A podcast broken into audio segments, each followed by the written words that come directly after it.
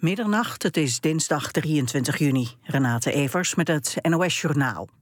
De extra eurotop over Griekenland is afgelopen. Zoals verwacht hebben de Griekse premier Tsipras en zijn Europese collega's nog geen akkoord bereikt, maar ze zouden wel nader tot elkaar zijn gekomen. IMF-baas Lagarde zei na afloop dat de komende 48 uur cruciaal zijn en dat er nog bergen werk moeten worden verzet. Voorzitter Tusk van de Europese Raad sprak van positieve ontwikkelingen. Woensdag is er een extra vergadering van de ministers van Financiën van de eurozone. Voor het einde van de maand moet er een akkoord liggen over nieuwe bezuinigingen en hervormingen in Griekenland, anders gaat het land failliet.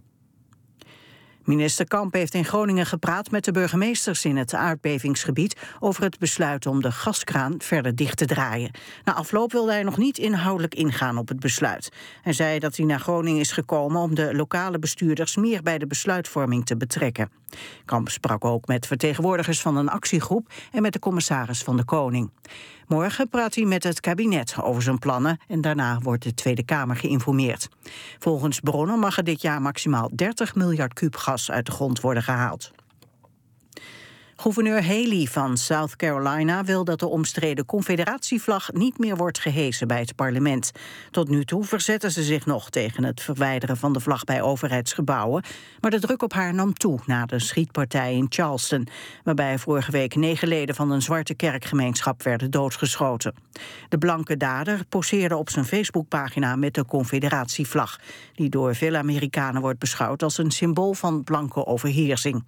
Het parlement van South Carolina moet met een tweederde meerderheid besluiten dat de vlag niet meer wordt gebruikt. En dat lijkt nu een formaliteit. Het weer, opklaringen, maar ook een enkele bui. Temperatuur daalt tot een graad of 10. Overdag minder buien, maar wel veel bewolking. Het wordt maximaal 16 graden. Dit was het NOS Journaal. NPO Radio 1.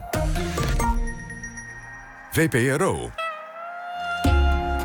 Nooit meer slapen.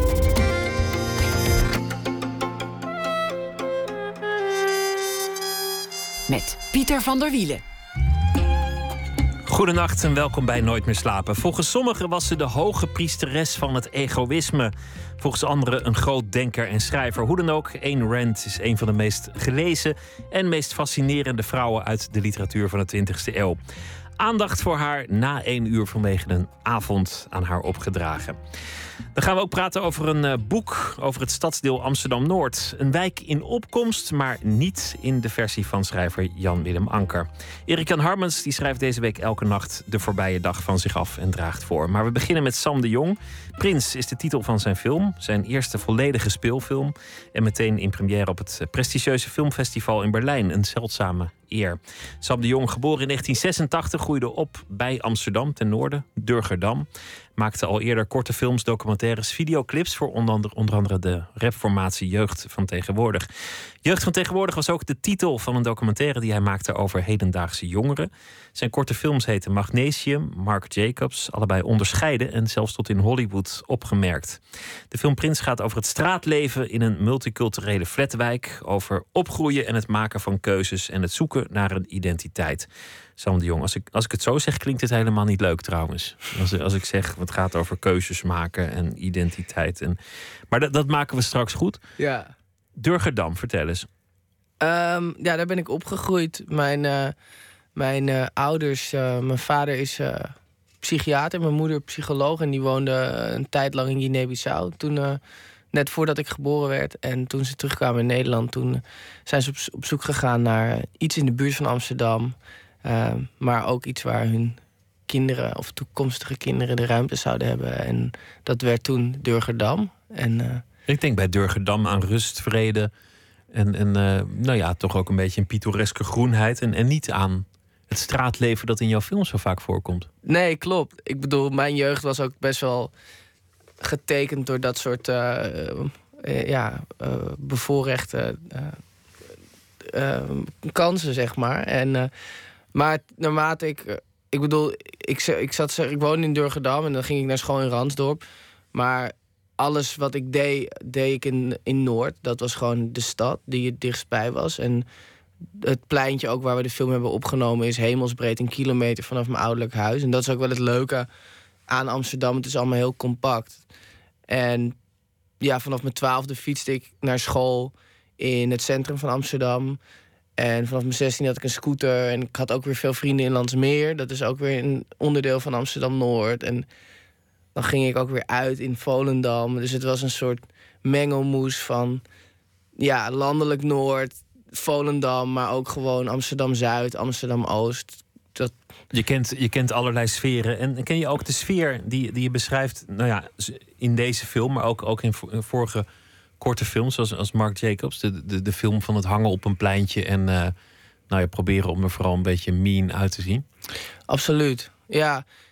Um, nee, Mark Jacobs en ook Prince zijn wel gewoon deels gebaseerd op ervaringen die ik uh, zelf ken uit mijn, uit mijn puberteit. En ik had zelf ook een, een scooter en wou dat die zo snel mogelijk ging. En had oorbellen in mijn oren en, en, een, en een lange mat. En uh, ja, dus zeg maar die, die. Goed, ik denk dat iedereen dat wel kent. Of niet iedereen, maar de meeste mensen die volwassen worden, die gaan natuurlijk door een fase heen waarin ze soort van zoeken naar wie, wie ze zijn en wat voor groep ze aansluiting vinden. En, dat... en wie ze willen zijn en wie ze, wie ze moeten zijn. Laten we luisteren naar de trailer van, van de film. Dat is uh, zonder beeld vanwege dit medium, maar dan, dan hoor je wel heel duidelijk wat, wat de sfeer is. Kijk, wat was een grap? Een jongen bij mij in de buurt. Jij bent mijn man in huis. Hey. Neem energy drink. Het is lekker zoet hoor. Ben je gelukkig? Zijn we onder onsjes? Ja? Nee.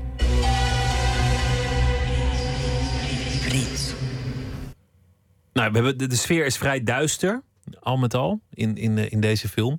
Het begint met eigenlijk wat in zo'n flatwijk volgens mij heel gebruikelijk is. Er gebeurt namelijk heel erg weinig. De mensen die staan, staren voor zich uit. Ze willen van alles, maar ze zijn te jong, ze zijn te sukkelig. Ze willen het meisje, het mooiste meisje van de straat, maar die kijkt wel uit om uh, met hun te gaan. Die kan beter krijgen, dus dan blaas je maar een prullenbak op uiteindelijk. Ja. Ja, een beetje zoals het, zoals het gaat. Je hebt voor een deel gefilmd met acteurs die geen professionele acteurs zijn. De, de hoofdpersoon Ayoub, die heb jij, las ik, van straat geplukt. Hoe gaat dat? Ik heb hem uh, ja, eigenlijk ontmoet via. Uh, er, zitten natuurlijk ook, er zitten ook wel professionele acteurs in, zoals Sigrid de Napel en Elsie de Brouw. Maar uh, ik heb die jongens. maar de, de, de, zeg maar de randgroep jongeren, om ze, om ze maar meteen een stempel op te, op te kwijlen. Ja. Die heb je zelf geworven uh, ja. op straat. En de hoofdrolspeler, ja. En een, en een groepje wat daaromheen staat. En ook de jongens die hem het leven zuur maken. Zoals, uh, weet je wel, die, die rijden dan op quads. En die komen steeds letterlijk de, de rust verstoren. Die, ja, dat zijn ook jongens die... Uh, die, nou ja, het heet dan van straat, maar bijvoorbeeld een van hun, Ronnie, die ken ik nog uit de basisschool. Die zat een groep boven mij. Dat was toen een beetje de pestkop. En die heb ik gewoon later nog eens opgebeld. Toen ik op zoek was naar. Uh, naar een pestkop. Uh, nou, ja. hij, hij, was inmiddels hartstikke lief en aardig. Maar hij, uh, hij vond het wel heel leuk om te doen. En dat bracht wel een soort authenticiteit met zich mee. Het is gewoon ook, ook alleen al het accent. En het zijn dan toch vaak jongens die, die, ook echt het leven leiden... wat ze leiden als karakters in de film. Dus dat, dat is toch wel spannend hoe dat werkt. En iemand als Eop heb ik ontmoet tijdens het maken van die documentaire... waar je eerder aan refereerde. De jeugd van tegenwoordig. Ja, die heet, ja, die heet Jeugd van Tegenwoordig. En daarin portretteerden we als een van de drie karakters een kickboxer. En, uh, en om, om hem heen uh, hing Ejoep. En op een gegeven moment was ik naar een gala waar ik Otman zag vechten. En toen stond ik buiten. Uh, en toen zag ik ergens in, in een steegje aan de zijkant... zag ik een jongetje het in zijn eentje opnemen tegen vijf jongens... die, die, die hem in beide handen bek gaven. En ik was best wel onder de indruk van, van het lef. Wat, ja. want hij, hij, hij deinsde niet terug. Zij deinsde eerder terug van hem. En toen dacht ik wel, dit is wel iemand waar ik een keer iets mee wil doen. En toen was ik net bezig met het schrijven van die korte film die daarop volgde. En toen was ik op zoek naar iemand waar de hoofdpersoon... in dit geval was dat een negenjarig jongetje tegenop zou kijken. En dat werd toen Ejoep. En die maakte toen zo'n indruk dat, dat toen ik vanuit die korte film verder schreef aan een speelfilm... ik heel erg aan E dacht als een hoofdrol. En die vervolgens uh, weer tegenover weer stoere jongens heb gezet in Prins. Want die, die korte film die heet Mark Jacobs... en dat gaat eigenlijk over een heel eenvoudig plot. Namelijk iedereen draagt Ray-Ban zonnebrillen... Maar één jongen besluit zijn identiteit radicaal te veranderen en een Marc Jacobs zonnebril te nemen. Dat wordt eigenlijk een soort symbool voor Ja. de keuze wie je bent. Nou, nee, het gaat uit, in het heel kort gaat het over een jongetje die zijn vader bijna nooit ziet. En zijn vader vraagt hem voor het eerst mee naar Marokko. Daar is hij heel erg trots op en dat vertelt hij aan de hele buurt. En hij denkt, ik ga naar Marokko en ik wil daar een indruk maken. Dus ik ga een Marc Jacobs bril nemen. Nou goed, iedereen zegt dat hij Ray-Ban moet nemen, maar hij houdt voet bij stuk. Hij wil Marc Jacobs. Op de dag dat hij zou vertrekken, belt hij aan bij zijn vader en komt hij erachter dat zijn vader vertrokken is zonder hem. Wat zijn moeder en zo al wel verwachten wat er aan zat te komen. Vervolgens durft hij zijn wijk niet terug in, omdat hij de schaamte niet eh, onder ogen durft te komen. En na een aantal omzwervingen die avond moet hij uiteindelijk toch terug naar huis. En ziet zijn moeder dat hij dus inderdaad niet is meegenomen naar Marokko door zijn vader. Maar hij wil niet, zien, hij wil niet laten zien dat zijn moeder. eh, hij wil niet zijn verdriet aan zijn moeder laten zien. Dus hij besluit die zonnebril op te zetten die hij eigenlijk had gekocht voor Marokko om zeg maar zijn verdriet en tranen te verbergen voor zijn moeder. En dat allemaal in, in 17 minuten duurde die, geloof ik. Ja, Ja.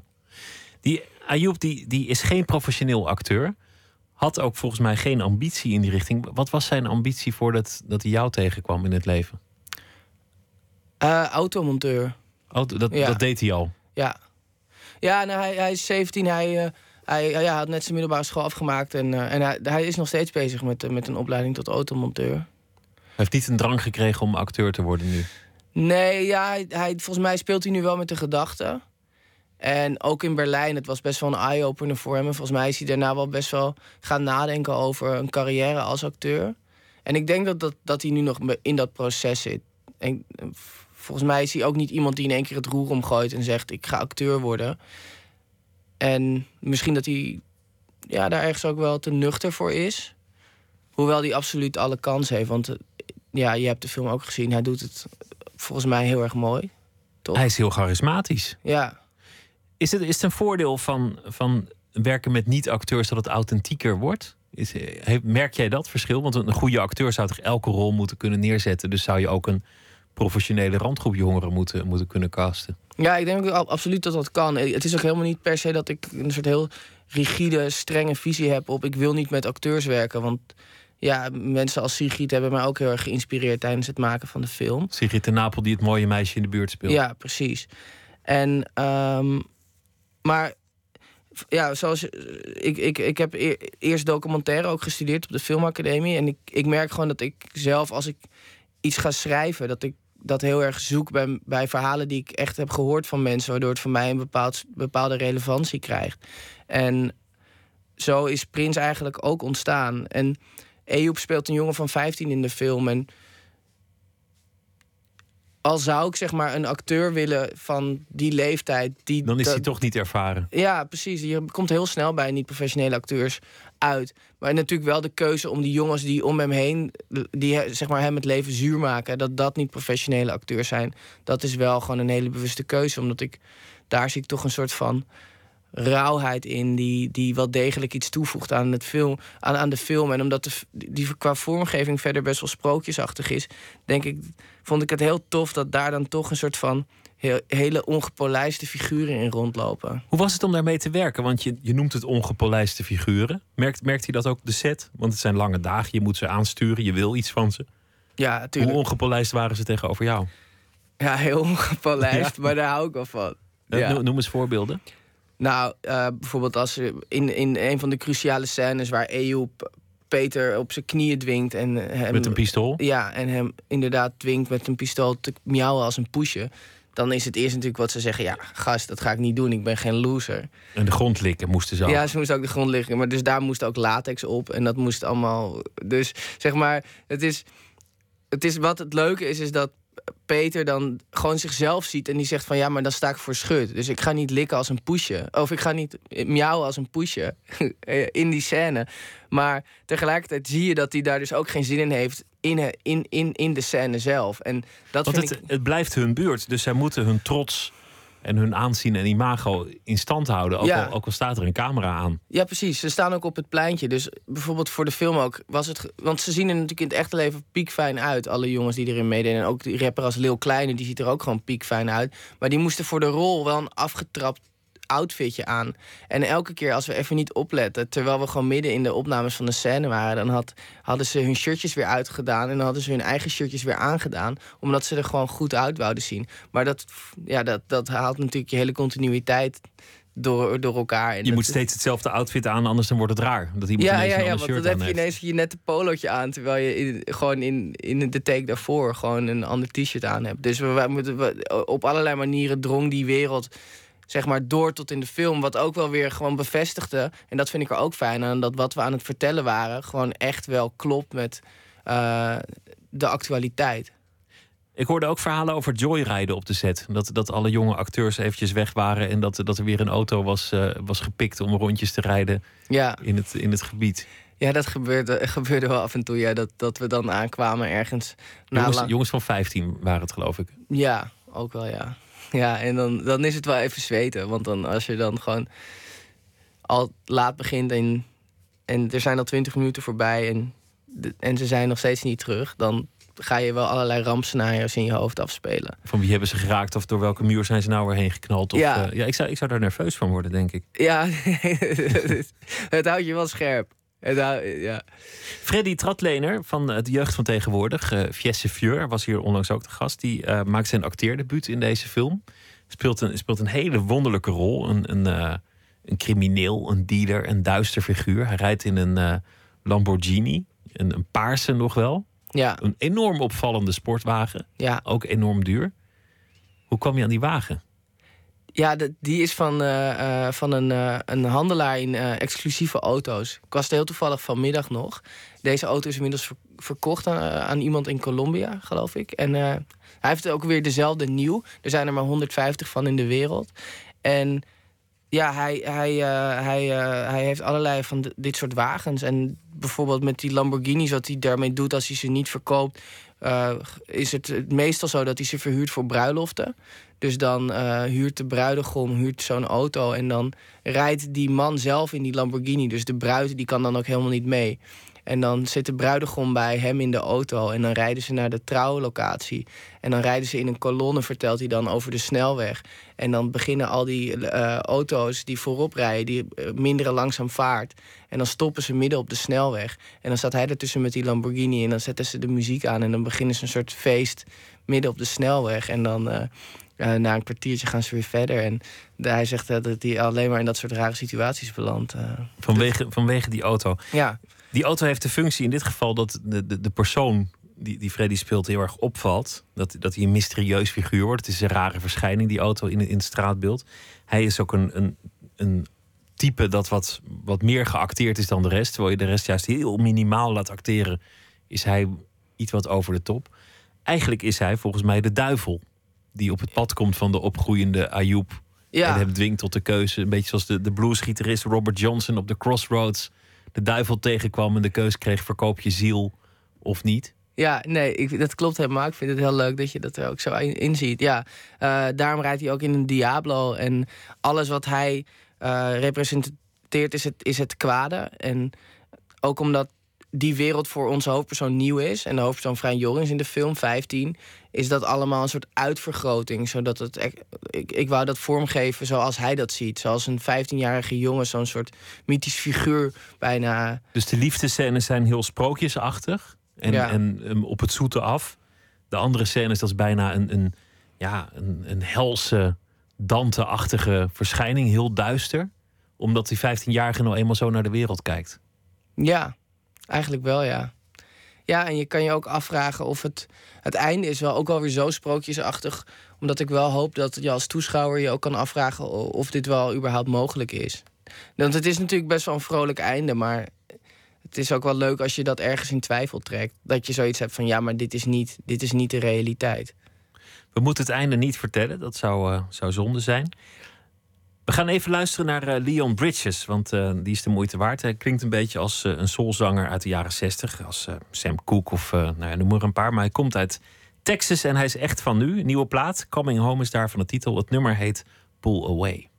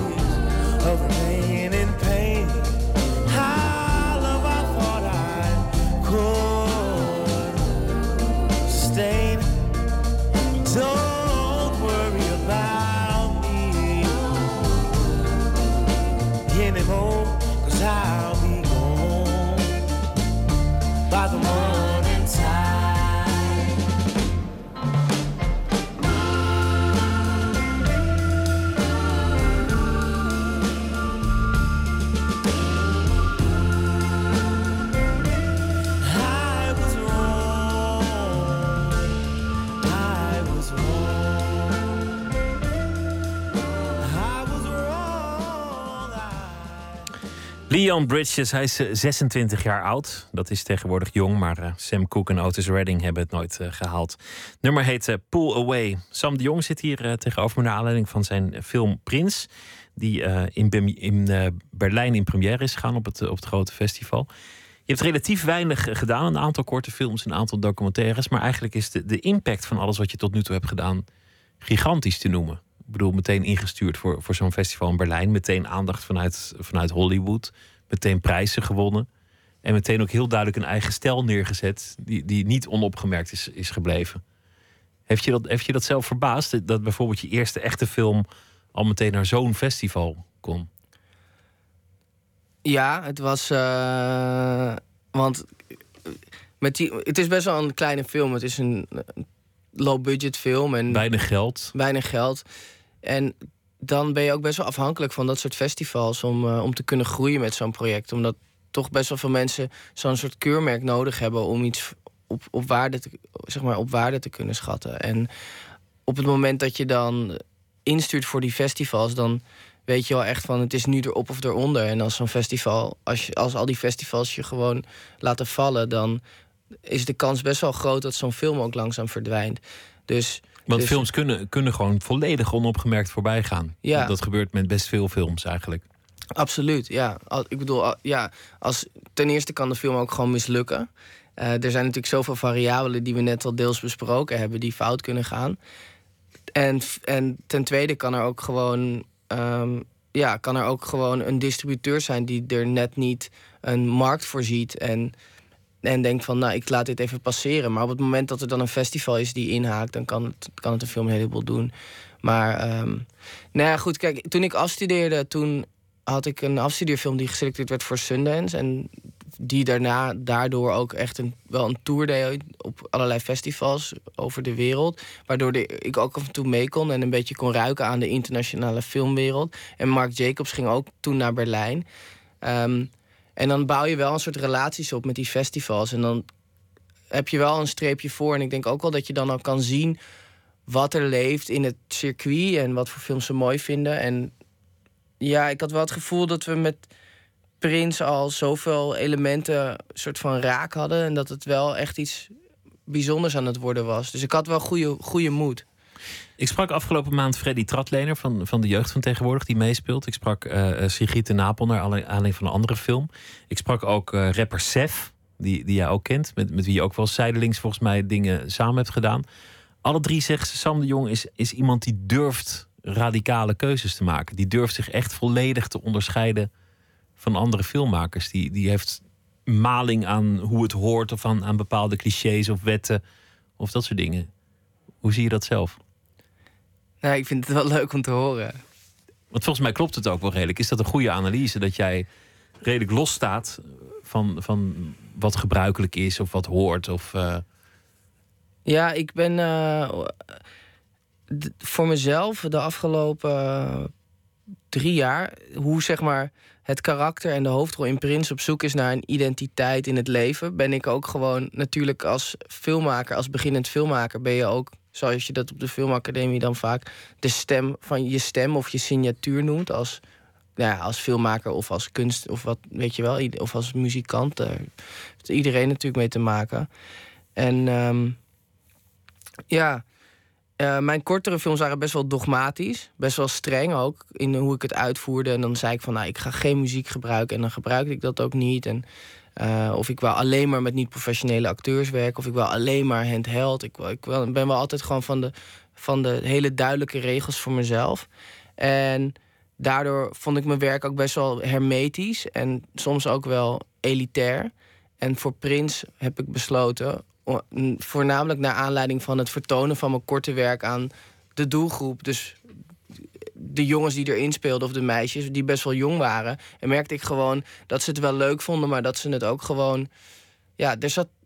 Ik, ik weet niet, ik wou voor Prins echt gewoon iets, iets, iets maken wat gewoon zinderde van het leven. En, en wat daar- verleidelijker was. ja, en waarin ik ook voor mezelf gewoon alle grenzen op ging zoeken. En alle, allerlei genres ging proberen te combineren. En het werken met acteurs en rappers en, en havenarbeiders en modeontwerpers. En gewoon alles soort van mengen en roeren. En, en een soort nieuwe kleur ontdekken. Af en toe bijna citaten uit eh, eh, gangsterfilms uit de jaren zeventig bijvoorbeeld. Ja, Eh, stukken rap die min of meer voorkomen in de film. Dat, dat, er, dat er net wel net niet gerapt wordt door de, door de hoofdpersonen. ja, Op een gegeven moment zat ik de film te kijken en, en de kat die, die, die sprong op schoot. En toen, toen ging de laptop op zwart-wit.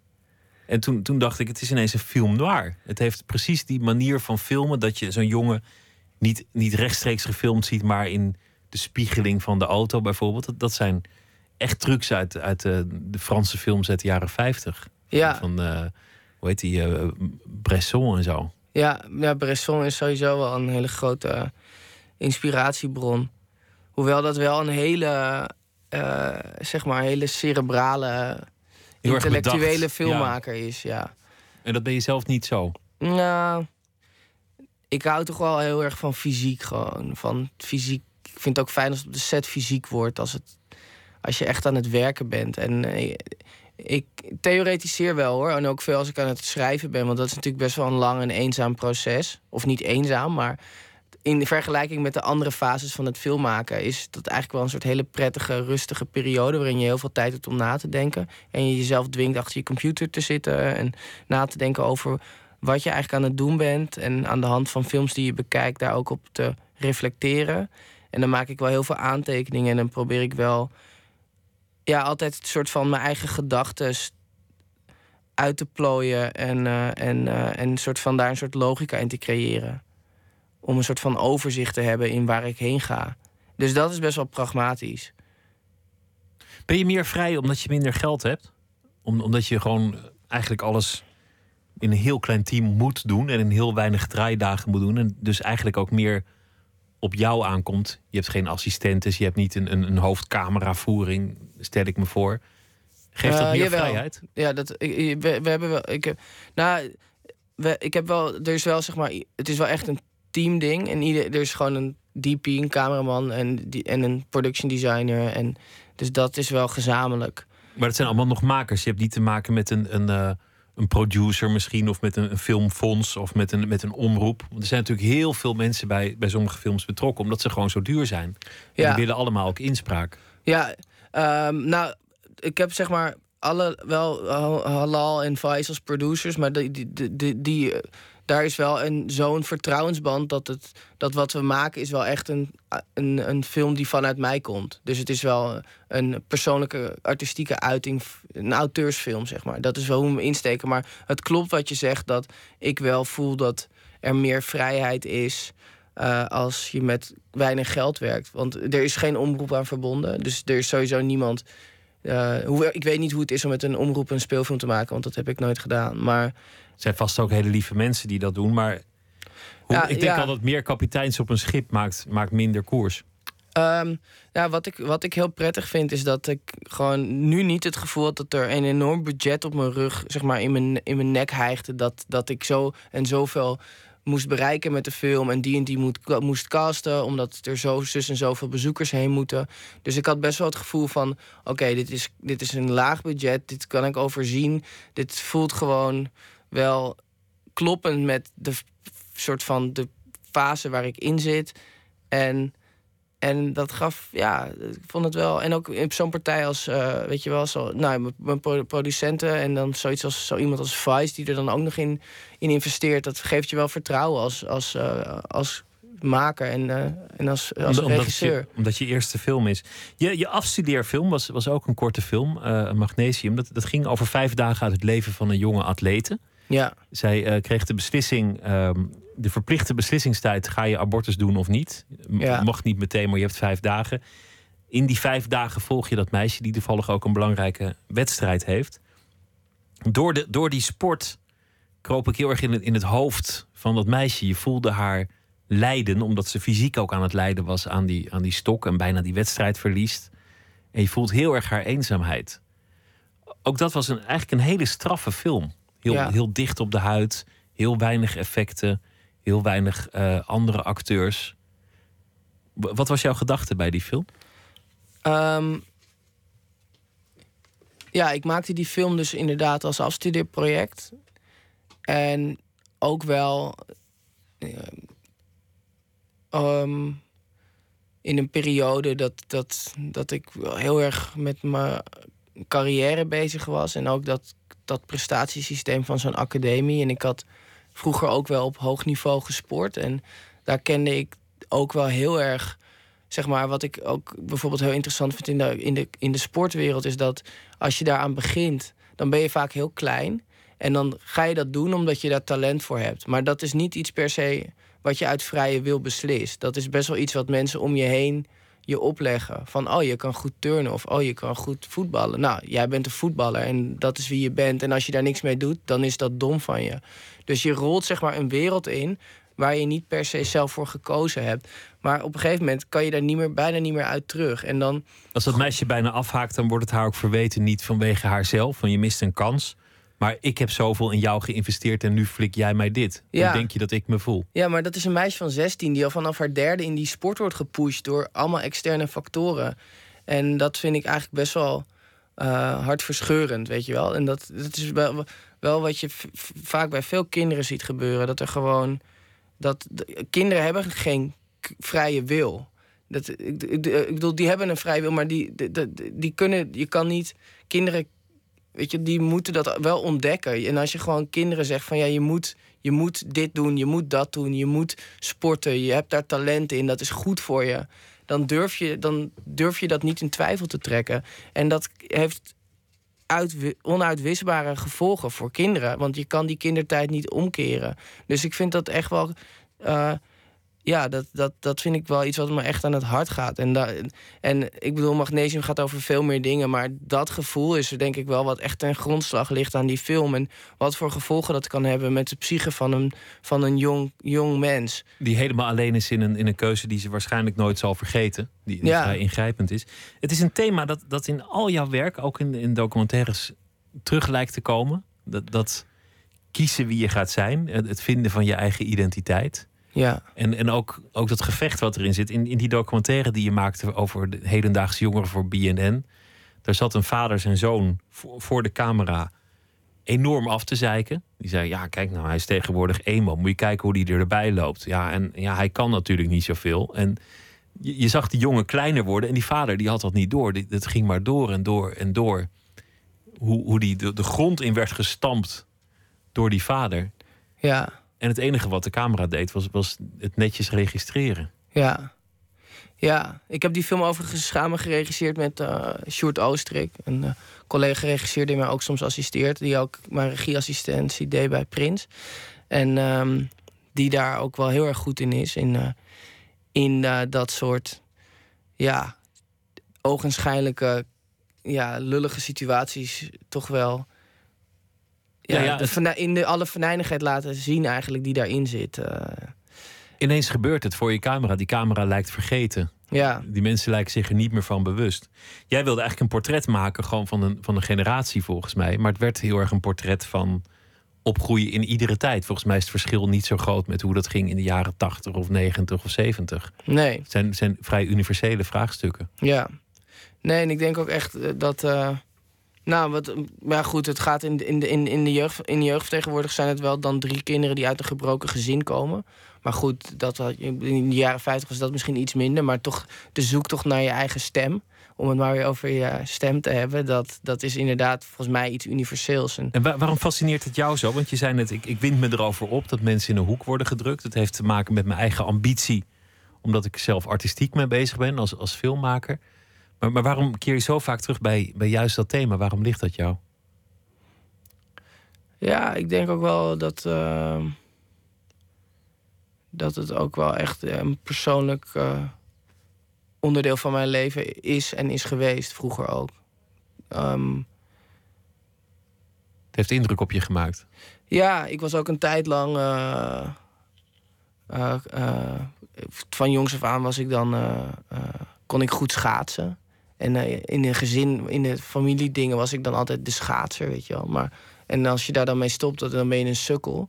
Maar ik had er helemaal geen lol in eigenlijk. Maar me- mensen zijn zich niet zo bewust van eh, je sensitiviteit als kind. En hoeveel je al die meningen je, aantrekt. En, eh, en, dus, en, en, en die, die prestatiedruk, dat, dat voel ik, die leg ik mezelf ook op hoor. Maar dat, is, dat heeft zich gewoon doorontwikkeld door de jaren heen. En de- van, vanuit de middelbare school naar de filmacademie. En ja, ik bedoel, we leven in een, in een tijd die niet, niet meer. We hebben geen religie meer. We hebben, we hebben, weet je, we hebben ambitie en we hebben. We Je hebben moet, je moet jezelf ontdekken en jezelf waarmaken. ja, je moet een individu zijn. En dat is je, de, hele, de hele functie van je bestaan. Dus die zoektocht die zie ik gewoon als de meest existentiële die er is. En het is de enige reden waarom we hier zijn. Zeg maar. Dus om het heel breed te, te trekken, is, is dit eigenlijk het enige wat ertoe doet. En dan wordt het bijna een wedstrijd. Want, want bijvoorbeeld een van die meisjes die in de documentaire ehm, volgt, die wil schrijfster worden.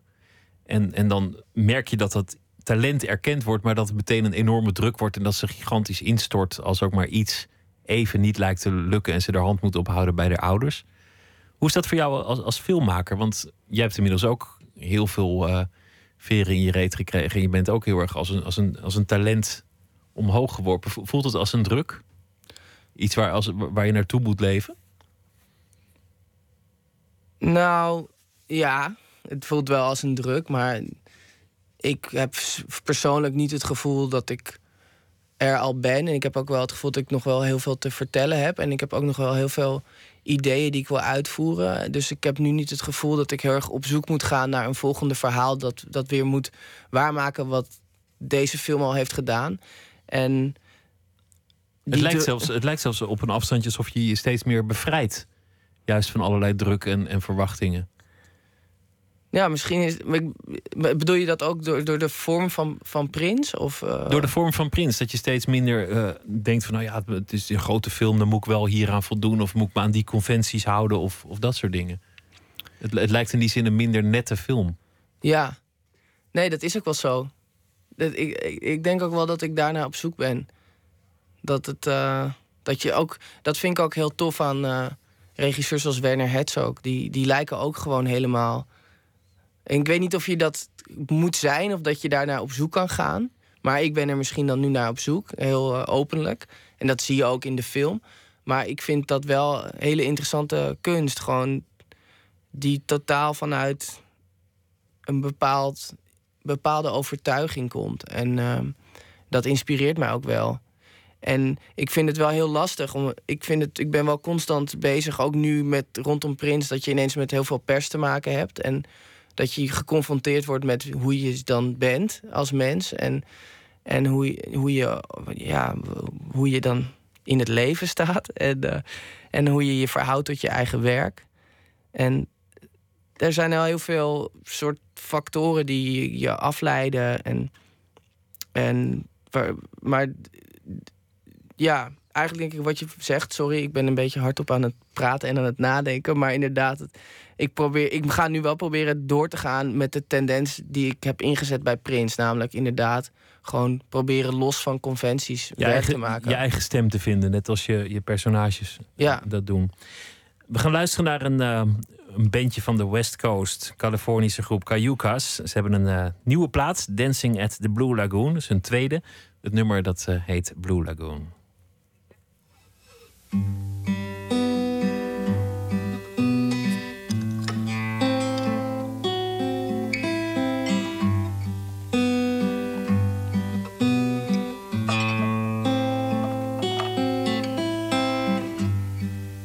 She was dancing at the Blue Lagoon.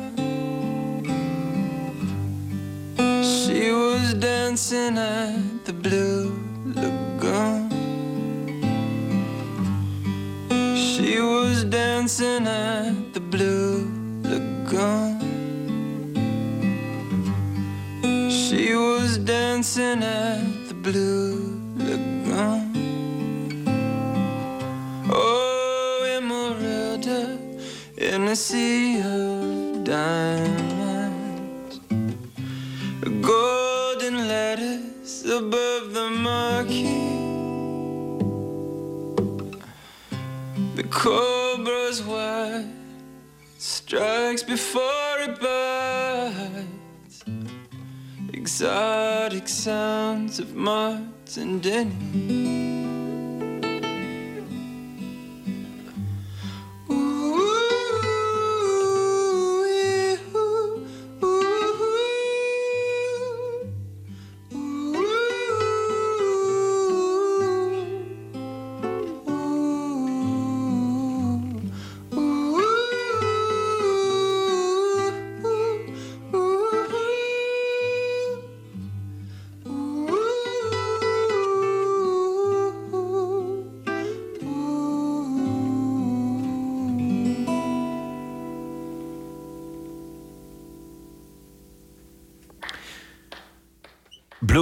Van Cayucas was dat. Nooit meer slapen in gesprek met Sam de Jong. Naar aanleiding van de film Prins. We hebben het gehad over meerdere films die je hebt gemaakt. We begonnen in Durgerdam, waar je bent eh, opgegroeid.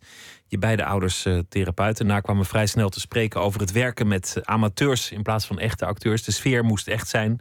Veel dingen die kende je wel. Je groeide dan wel op in het groene Durgerdam, maar je kwam overal. Van Volendam tot Amsterdam Oost tot Amsterdam Zuid. Het eh, pleintje waar je zelf hing was maar een kilometer verwijderd van dit pleintje waar mensen zich vervelen. En als je het meisje niet kon krijgen, dan blaas je maar de prullenbak op. En er werd ook veel gekloot op de, de set, want het waren tenslotte ongepolijste jongens. En ook naar jou toe waren ze ongepolijst. Hadden een beetje maling. Joyriden op de set was, eh, was er heel gewoon. Je, we hebben het gehad over eh, jouw stem die jij zoekt als, als regisseur. Jouw personages zijn op zoek naar een identiteit. Wie wil ik zijn? Dat is vaak een worsteling, omdat je iets moet zijn. Er is geen religie, er is geen hiernamaals. Dus je moet het halen uit je, jezelf en je talenten. Dat is ook de worsteling die jij hebt gevoeld vroeger. Omdat je ook een beetje aan sport deed en andere dingen. Maar ook heel erg als filmmaker. Maar steeds meer word je vrij. Vrij van alle mensen die jou belemmeren. Daarom werk je ook liever met een laag budget. Hoe gek dat ook klinkt. Omdat je dan niet belemmerd wordt door, eh, door fondsen, sponsors, eh subsidiemensen of verplichte acteurs. Om de, de box office eh, opbrengsten maar goed te, te laten houden. Terug naar Durgerdam je beide ouders therapeut. Was, was het dan ook zo dat ze dat gebruikten? Dat, dat ze hun professionele kennis tegen je gebruikten als je ruzie had? Nee, helemaal niet. Nee. Want ik kende iemand die had ooit een relatie met een relatietherapeut. En die, die ging dan in een ruzie dat, al die professionele analyse ge- gebruiken om de discussie te winnen. Maar dat deden jouw ouders niet. Nee, maar volgens mij had die relatietherapeut ook weer in een soort birdsview moeten inzien dat dat ook weer niet goed is binnen je relatie, denk ik. Om Als je een, als het een echt professionaliteit goede was geweest, dan Ja, had hij dat gezien. Dan had hij met een soort dubbel reverse psychology weer echt ruzie gemaakt. Maar ik had helemaal niet met mijn ouders eh, eh, dat, eh, dat ze mij analyseerden. Nee. Nee, volgens mij zijn dat. Het is net als dat bij de loodgieter thuis de kraan lekt. Ja, of, de, of de tandarts een goor gebit heeft. Dat, ja. Ja. dat zal je altijd zien natuurlijk. Die fascinatie komt natuurlijk ook ergens vandaan. Maar, maar toch zei je van... Een, een van de dingen die mij wel woest maakt... is, is hoe, hoe kwetsbaar mensen zijn als ze jong zijn. Hoe onzorgvuldig anderen daarmee omgaan. En hoeveel druk er wordt gelegd om, van iemand om ergens iets van te maken. Dus iemand kan goed sporten, maar het gaat bijna niet meer om degene met het, met het talent. Ja. En dan wordt er ook niet goed gekeken, denk ik, of diegene er ook wel echt iets uithaalt. En of hij er voldoende uithaalt. Tenminste, dat kan. Ik, ik kan alleen maar vanuit mezelf praten natuurlijk. En eh, hoe ik mijn leven heb ervaren. En ik heb een fijne jeugd gehad hoor. Maar Maar dit heb je wel ervaren op de een of andere manier. ja, ja, absoluut. Ja. Ehm, ja, ik kom ook wel uit een prestatiegerichte omgeving. En ehm, Ambitieuze ouders, Absoluut, opgeleid. Ja. ja, en eh, eigenlijk het hele gezin van mijn vader is ook eh, allemaal heel, heel, heel ambitieus. Allemaal dokters en medici en wetenschappers. En dat, ja, die gesprekken over ambitie en er, er iets van maken en zo, die waren wel altijd aan de orde van de dag. Dus dat, dat vormt je ook wel. En daar ben ik ook helemaal niet eh, zuur om, want ik ben ook blij met hoe ik in mijn, in, in, in mijn werk nu eh, sta. En, eh, je hebt altijd een enorme fascinatie voor de mensen die bij uitstek niet willen deugen. Of, of die een beetje aan de rand leven. Of die het eigenlijk net niet lukt om in de groep te passen. ja, Die, die Ja, ja. komen vaak terug. Ja, nee, ik vind sowieso natuurlijk het eh, wetten, wetten en juist het wetteloze is oneindig interessant. En, eh, en eh, je Voor een film natuurlijk veel interessanter dan wanneer iedereen zich netjes gedraagt. Dat wordt niet zo'n gave film. Ja, nee, precies. Maar sowieso jezelf misdragen is natuurlijk eigenlijk heel erg lekker. Maar dat mag natuurlijk niet. Hoe misdraag jij je? Nou, daar hoef ik het niet over te hebben. Nee, nee ik bedoel, ik heb, ik, ik heb ook allerlei dingen uitgesproken in mijn, in mijn verleden. Maar ehm, wat, wat bijvoorbeeld in Prins heel interessant vind ik, zeg maar, in, in, in de. In, in, in de of het, een van de thema's in Prins is natuurlijk. Oké, stel je bent jong, maar je eh, bent misschien lager opgeleid en je hebt niet de potentie om een topsporter te zijn of een wetenschapper of iemand die op die manier status kan verwerven. Maar je leeft wel in een samenleving waar status het enige is wat ertoe doet. Ehm, niemand wil eh, voor minimuminkomen werken als je 16 bent. Want iedereen droomt van, eh, van wat we op tv zien en wat we horen in de muziek die we luisteren. En het lekker gaan en de vrouwen. En ik bedoel, dat, dat is ons ideaal. En dat is voor bijna alle jongeren een ideaal. En wat als je 16 bent en je hebt nog gewoon 60 jaar in het verschiet, wat ga je doen om daar te komen? Ehm, en als je, als je dan denkt dat criminaliteit ervoor een oplossing is, dan kan ik daar me best wel goed mee identificeren. Waarschijnlijk is dat een, een keuze die niet eens zo heel ver verwijderd ligt van een opleiding. Die, die, die in sommige gevallen best rationeel kan lijken. Ja, In, in die documentaire kwam een jongen langs die, die, die, eh, die zat bij een uitzendbureau en die ging dan een beetje zijn leven vertellen. Dat hij er door zijn vader uit was getrapt en, en dat hij zijn opleiding niet had afgemaakt en toen de andere opleiding niet. En toen ging, dat, ging die vrouw in de kaartenbak kijken wat ze dan voor, voor baantje eventueel voor hem had. En, en die zei eerst heel netjes wat allemaal afviel. Ja, ja. toen, en toen zei ze, nou misschien, misschien wel productiewerk. En dat zei ze ook maar in een gezicht dat je wist... dit wordt echt verschrikkelijk voor de jongen. En je zag ook in, in het gezicht van de jongen... ja, of misschien ga ik toch wel weer naar school. ja. Het was een hele mooie scène eigenlijk. Ja, het is eigenlijk een hele mooie. Ja, inderdaad. Ja, nu, ik, ik bedoel, ik herleef Ja. hem nu jij me vertelt. Ja, het is ook echt lastig. Ik bedoel, Wist jij meteen al dat je film wilde maken? Of was dat een talent wat, wat jou werd, werd medegedeeld? Of is er ook zo'n moment geweest dat het, dat het eigenlijk ook wel als drop-out verder had gekund? ja, ik ben ook wel echt zoekende geweest. Ja, ik, eh, was, eh, ik, ik ben niet eh, opgegroeid met kunst. En, en ik kan helaas niet in mijn biografie zetten dat ik op mijn, op mijn vijfde al rondliep met een 8 mm camera en filmpjes maakte van mijn ouders. Dat, dat, dat leest altijd wel lekker. Maar ik, Maar het is wel moeilijk om toegelaten te worden op zo'n filmacademie. Ja, ik had ook wel heel snel de smaak te pakken. En er sloeg ook wel echt een vonk over, zoals ik dat nooit eerder had ervaren. Dat, dat, eh, ik heb het ook nooit meer losgelaten sindsdien. En ehm, ik, ben ook wel. eh, de beste vriend van mijn vader toen was ook een documentairemaker, Joop van Wijk. Dus ik had wel altijd. Er was altijd wel een soort. Ja, de film was altijd wel aanwezig in, eh, in mijn leven. En langzamerhand is dat gaan groeien. En ja, nadat ik afstudeerde op de middelbare school, viel dat kwartje en ben ik dat gaan proberen. En dacht ik, ik ga toelating doen voor de filmacademie. Toen nog meer vanuit een filosofie dat ik, eh, dat ik wou produceren voor mensen in eh, minder ontwikkelde landen. Omdat ik het idee had dat daar veel meer verhalen zaten dan in Nederland. En dat ik mensen wou helpen met het verfilmen en naar buiten brengen van dat soort verhalen.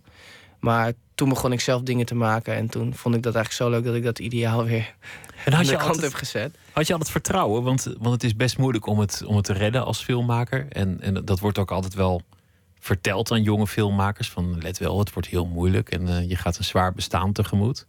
Ja, nee, ik had dat heel. Ja, dat, dat was echt best wel spannend. Omdat dat hoorde ik de hele tijd. En dat hoor je ook de hele tijd op de filmacademie. Dat En wordt ook- echt ingepeperd. Ja, ook van veel, eh, veel mensen uit het vak die dan al twintig jaar meedraaien. Die, eh, ja, de- die, die je toch wel met je neus gewoon eh, op de feiten drukken dat het een zwaar bestaan is. Maar dat maakt je wel hongerig. En dat maakt je ook wel. ja, Vecht- tenminste, ik, ik, ik werd er heel erg soort van gedreven door. Van ja, oké, denk je, ik ga. Ik dacht wel van ja, ik ga. Ik ga ik wil, dit, ik- dit gaat mij sowieso lukken nu. Ik dacht wel van. nu- Ik ja. ga ze krijgen. Ja. Ik, eh, Ja. ja. Onze tijd komt nog. In, in jouw film, eh, en eigenlijk in al jouw films, is de multiculturele samenleving ook altijd heel aanwezig. Maar zonder dat je daar echt iets mee doet. Het is gewoon een gegeven. Het is een achtergrond, iets wat er nou eenmaal is. Er zijn mensen met verschillende achtergronden. eh, deels uit Marokko. Prins is half Marokkaans bijvoorbeeld. Ja. Maar het is, het is iets waar je eigenlijk, behalve dan in, in die film Mark Jacobs over die jongen die teruggaat naar zijn vader. Je, je gebruikt het niet echt als iets waar je iets over wil zeggen, heb ik de indruk. Het is meer een, Ehm. een soort, soort feit van, nou ja, zo is het. Ja, nee, ik, ik heb ook Ejoep niet gecast om zijn etniciteit. En ehm,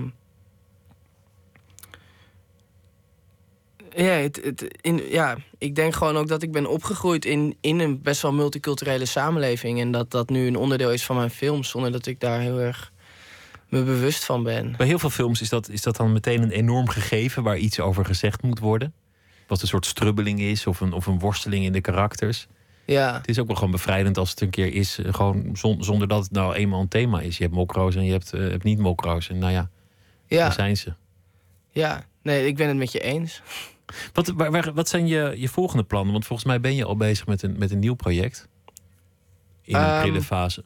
Ja, ik ben. Ik, ehm, ja, ik, ben- ik, ben, ik, ben, ik ben een paar plannen aan het researchen.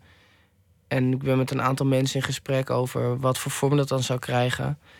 Maar het is nu allemaal net te pril om daar echt iets over te zeggen. Maar, maar gaat het weer over jeugd opgroeien en, en de keuze? Blijf je doorgaan op, in de lijn waarin je zit? Ja, voorlopig wel. En het gaat nu waar Prins heel erg ging om afstand doen van materialisme. En dan het omarmen van wie je bent. En daarin een beetje de naïviteit ei- ei- eigenlijk in opzoekt. En misschien een soort van valse droom eh, voorhoudt. Ga ik nu, wil ik nu iets meer op zoek gaan naar wat, wat is er daarnaast. En, en is er religie of spiritualiteit en wat valt daar te halen? Spiritualiteit in een film, dat is helemaal een, een eh, moeilijk thema. Ja, ik wil nu wel iets doen met, met, het, eh, met het dodenrijk. Zo, heb je daar al gedachten over in, in, in een beeld, hoe je dat zou willen verbeelden? Nou, er moet dan een medium in zitten. Die dan daarmee kan communiceren. Met het dodenrijk. Ja. Maar je hebt zelf absoluut geen religieuze achtergrond, volgens mij. Nee, ik vind het soms ook wel jammer. Ik bedoel, ik ben ook blij dat ik niet religieus ben opgevoed als ik de verhalen mag, moet je, horen. omdat van- je lekker alles mocht en, en zij niet. Nou, ik bedoel, er zitten een hoop haken en ogen aan religie. Met name het onderdrukking, de onderdrukking van homoseksualiteit en dat soort uh, taferelen. Dus in die zin uh, ben ik uh, niet per se. Ja, vind ik het niet. vind ik het fijn dat ik, dat ik een vrije opvoeding heb genoten. Maar wel gefascineerd door, door het spirituele. Ja, maar ook door religie. Ik bedoel, het religie is gewoon een heel substantieel onderdeel van, het, van een groot deel van de wereld. Dus ik, ik zou, zeg maar, wat ik jammer vind, is dat ik de Bijbelse verhalen niet allemaal ken. En die zou ik gewoon graag willen kennen. En wat de waarden daarvan zijn. Er, zijn, er zit zoveel schoonheid in. En ook in de Koran. En die schoonheid wil ik wel ook kennen. Dus ik wil daar wel ook een studie naar doen. Omdat het je helpt, omdat het gewoon mooie verhalen zijn waar je, waar je iets mee, mee zou kunnen eventueel. Ja, net als Shakespeare. Of, ik bedoel, ja, daar zit natuurlijk zoveel kracht in. En en ik vind het ook mooi, ik bedoel, religie is iets waar zoveel mensen hoop uit putten. En ik wil dat wel heel graag begrijpen. En ik begrijp het ergens wel, maar ik begrijp het nog niet echt. En ik zie het nu wel als een nieuwe uitdaging om, dat ook, om me daar ook echt in te verdiepen. En ik weet niet of het voor een volgende film is, maar sowieso in de toekomst wil ik, wil ik wel iets doen met het feit dat ik dat helemaal niet heb meegekregen, maar dat het wel iets heel belangrijks is in onze wereld. Waar de vandaag. mens toch een natuurlijke aanleg voor heeft. En ja, Ja, Je film gaat ook eh, draaien in, in Hollywood. Of, of sterker nog, wordt in Amerika uitgebracht. ja. Wat, wat, weet je daarvan? Hoe, hoe dat gaat gebeuren en wat, wat daar. Komt er ook een Amerikaanse première bijvoorbeeld? Ehm, ja, het ziet er wel naar uit dat we een première gaan doen in Amerika. Het is voornamelijk zo ingestoken dat, eh, dat we een distributeur hebben, Filmbuff, die, eh, die de film eh, in, eh, ik geloof nu, iets van twaalf steden uit gaat brengen in de, in de theaters. Maar dan gaat hij ook tegelijkertijd eh, online uit.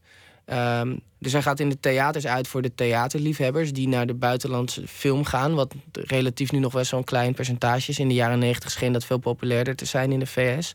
Maar omdat hij dan ook draait in de theaters, gaat er veel, gaat er veel pers over schrijven. En daardoor kunnen mensen dan, ja, die lezen dan eh, over Prince. En die hebben dan ook gelijk de mogelijkheid. Want hij gaat via alle premium broadcasters, gaat hij op VOD ook uit.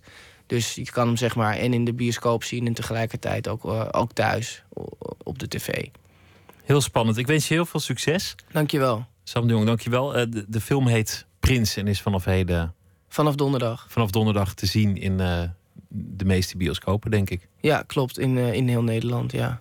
Dankjewel. Dankjewel. We gaan luisteren naar Paul Weller. Die heeft een nieuw album uit. En we vonden dit nummer daarop. Dusk Till Dawn.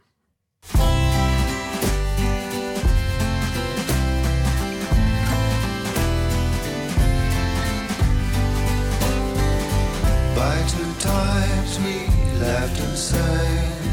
Into night our voices rang. Clouds we shed our tears of joy. Joy that lives from dusk till dawn. So, old friend, I bid goodbye. Though my love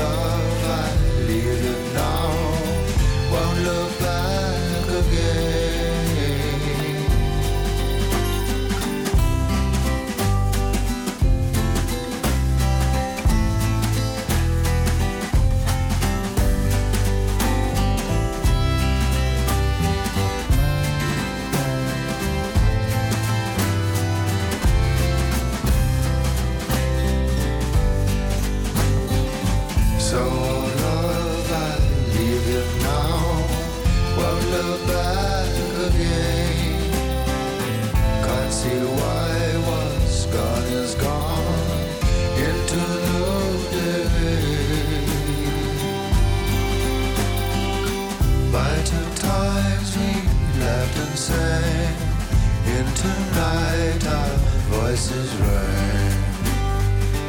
Clouds we shed our tears and joy, joy that lives from dusk till dawn.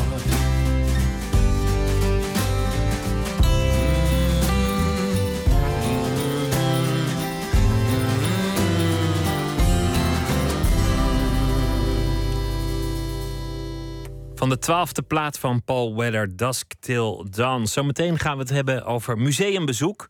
Paulien Slot schreef daar een boek over. Wat is er eigenlijk nog leuk aan eh, het bezoek van een museum? Amsterdam-Noord, Jan-Willem Anker schreef een boek, Het Plein. Dat gaat over eh, de buurt waar hij opgroeide. En het is niet altijd een even rooskleurig beeld dat hij daarvan schetst. En Ayn Rand, een avond werd eh, aan haar besteed in Felix Meritus in Amsterdam. De hoge priesteres van het egoïsme, volgens sommigen een inspirerende schrijfster en filosoof, volgens anderen. Dat allemaal zometeen in Nooit meer slapen. Twitter, het VPRO NMS of via de mail nooitmeerslapen.vpro.nl.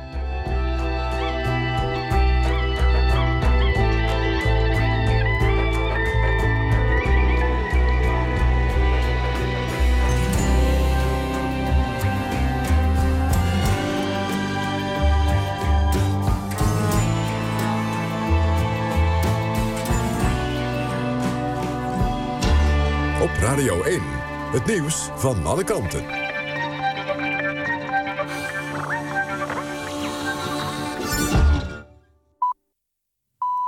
1 uur. Renate Evers met het NOS Journaal. De extra eurotop over Griekenland is afgelopen. Zoals verwacht hebben de Griekse premier Tsipras en zijn Europese collega's nog geen akkoord bereikt. Maar ze zouden wel nader tot elkaar zijn gekomen. IMF-baas Lagarde zei na afloop dat de komende 48 uur cruciaal zijn en dat er nog bergen werk moeten worden verzet. Voorzitter Tusk van de Europese Raad sprak van positieve ontwikkelingen. Woensdag is er een extra vergadering van de ministers van Financiën van de eurozone. Voor het einde van de maand moet er een akkoord liggen over nieuwe bezuinigingen en hervormingen in Griekenland, anders gaat het land failliet. Minister Kamp heeft in Groningen gepraat met de burgemeesters in het aardbevingsgebied over het besluit om de gaskraan verder dicht te draaien. Na afloop wilde hij nog niet inhoudelijk ingaan op het besluit. Hij zei dat hij naar Groningen was gekomen om de lokale bestuurders meer bij de besluitvorming te betrekken. Kamp sprak ook met vertegenwoordigers van een actiegroep en met de commissaris van de Koning. Morgen praat hij met het kabinet over zijn plannen en daarna wordt de Tweede Kamer geïnformeerd. Volgens bronnen mag er dit jaar maximaal 30 miljard kuub gas uit de grond worden gehaald. In Freetown, de hoofdstad van Sierra Leone, zijn opnieuw twee mensen besmet geraakt met ebola. Tot nu toe werd aangenomen dat het dodelijke virus uit de stad was verdwenen. Er waren al weken geen nieuwe gevallen gemeld. De twee nieuwe patiënten komen uit een dichtbevolkte krottenwijk in Freetown. En de angst bestaat dat daar meer mensen met ebola zijn besmet. Het weer, opklaringen, maar ook een enkele bui. De temperatuur daalt vannacht tot een graad of 10. Overdag minder buien, maar wel veel bewolking. Het wordt maximaal 16 graden. De dagen daarna meer zon en een paar graden warmer. Dit was het NOS Journaal. NPO Radio 1. VPRO. Nooit meer slapen.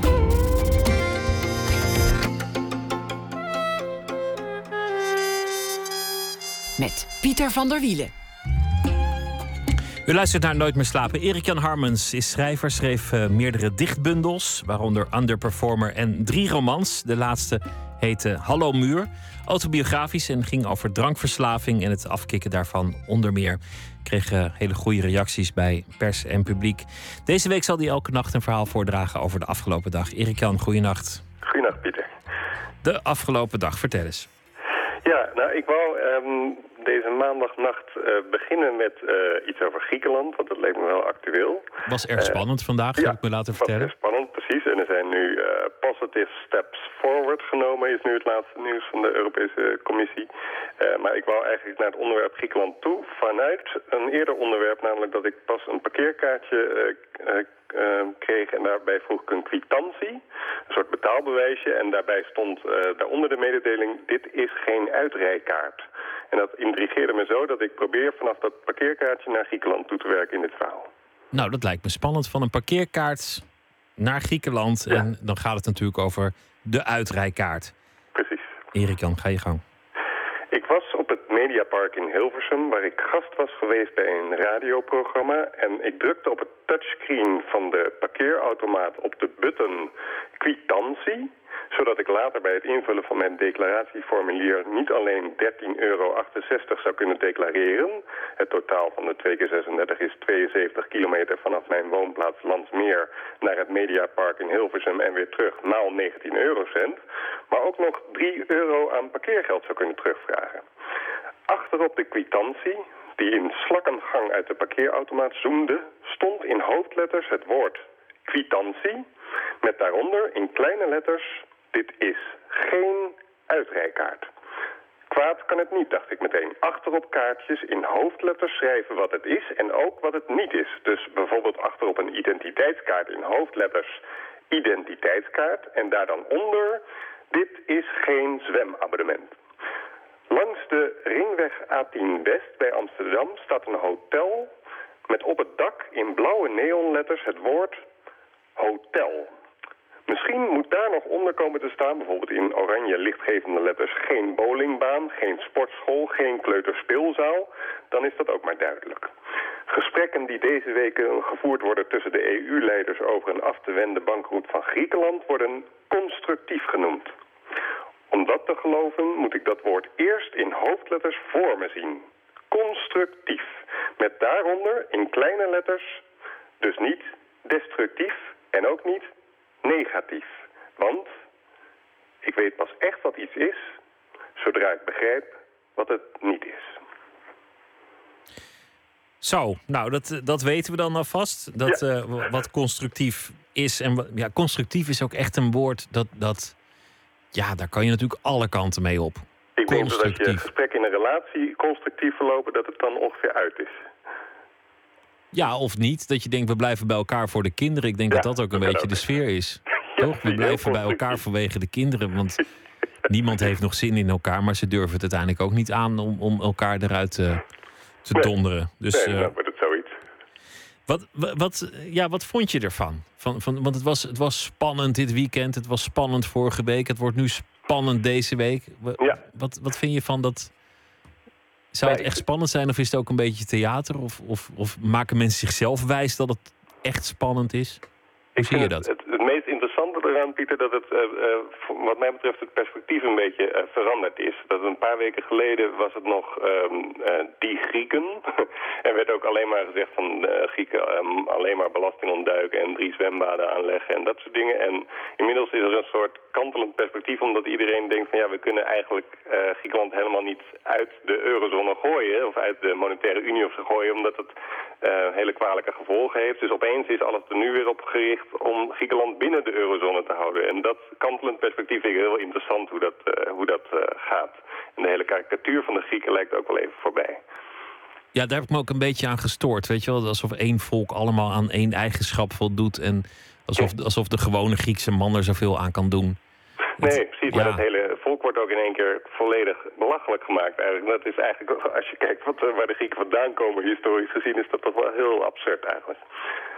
Maar het, het toont ook een beetje aan dat als dit een Europese regering is, dan, dan zijn de Grieken ook gewoon Europese burgers. Dat zijn dus hun onderdanen. Het toont ook aan dat burgers, of dat politici, als het erop aankomt, best wel veel maling aan burgers hebben.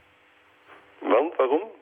Nou, omdat dat, dat je heel lang niemand hoorde over de gevolgen voor gewone Grieken en voor gewone ondernemers. En het ging allemaal over banken en IMF en grote dingen. Ik, ik hoorde ze bijna niet over burgers. Uiteindelijk is dat op de agenda toch niet zo'n heel aanwezig punt volgens mij. Precies. Maar ik, vind, ik vind de karikatuur het meest interessant. De karikatuur die we maken van Grieken, maar bijvoorbeeld ook van Russen. eh, eh, tijdens barbecues in, eh, wordt dat zo ongelooflijk makkelijk allemaal maar even zo over een kam geschoren. En dat vind ik ja, tegelijkertijd kwalijk, maar ook fascinerend. Hoe snel dat dan verandert. En weer de andere nu- kant op ook als het zo Ja, uitkomt. nee, precies. Dat kan zo weer de andere kant op eh, opvliegen, inderdaad. Ja, ja. Dank voor je verhaal over de uitrijkaart. Eh, oh nee, het was juist geen uitrijkaart. Geen uitrijkaart, het was een kwitantie. Erik-Jan Harbens, dank je wel. En eh goeienacht. Morgen weer een verhaal.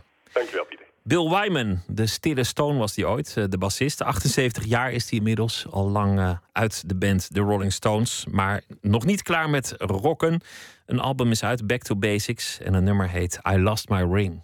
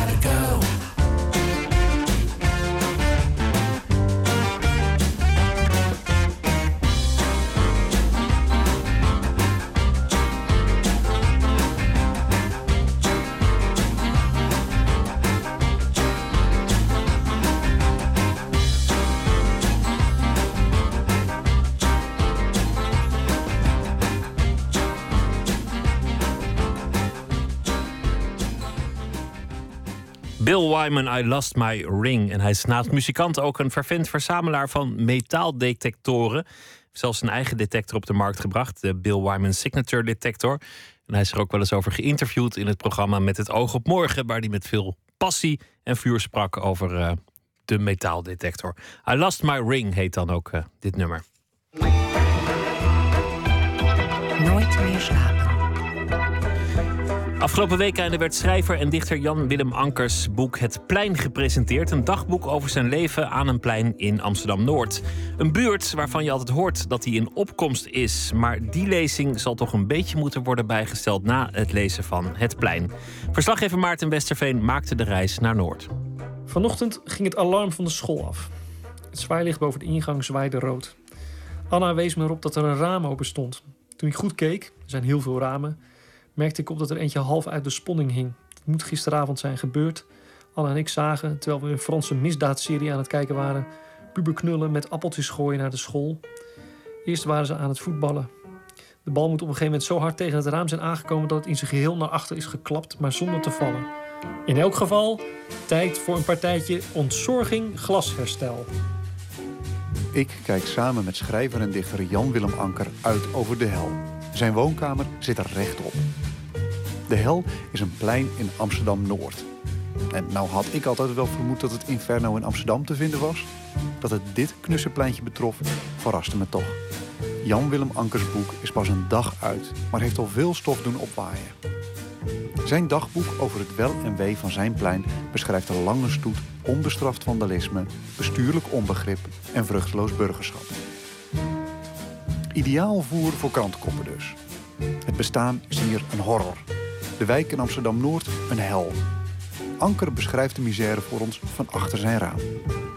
Een pleintje dat uh, eigenlijk om, omzoomd wordt door gekleurde paaltjes. Geel, rood, blauw.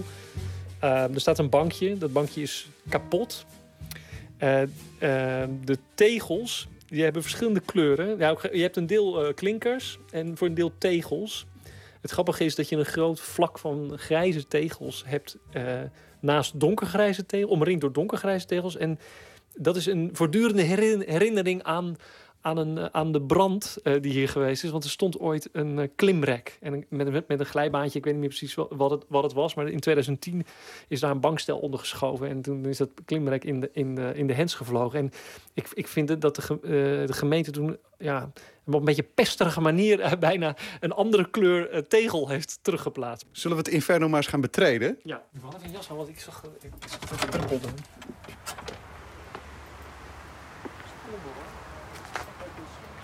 Ja, het ziet er vanaf hier dus een beetje ongericht. Maar het ziet er eigenlijk best mooi uit. Het is een mooi pleintje eigenlijk hoor. Ja, dat is ook zo. Maar het is ook de buurt is heel erg goed gemaakt.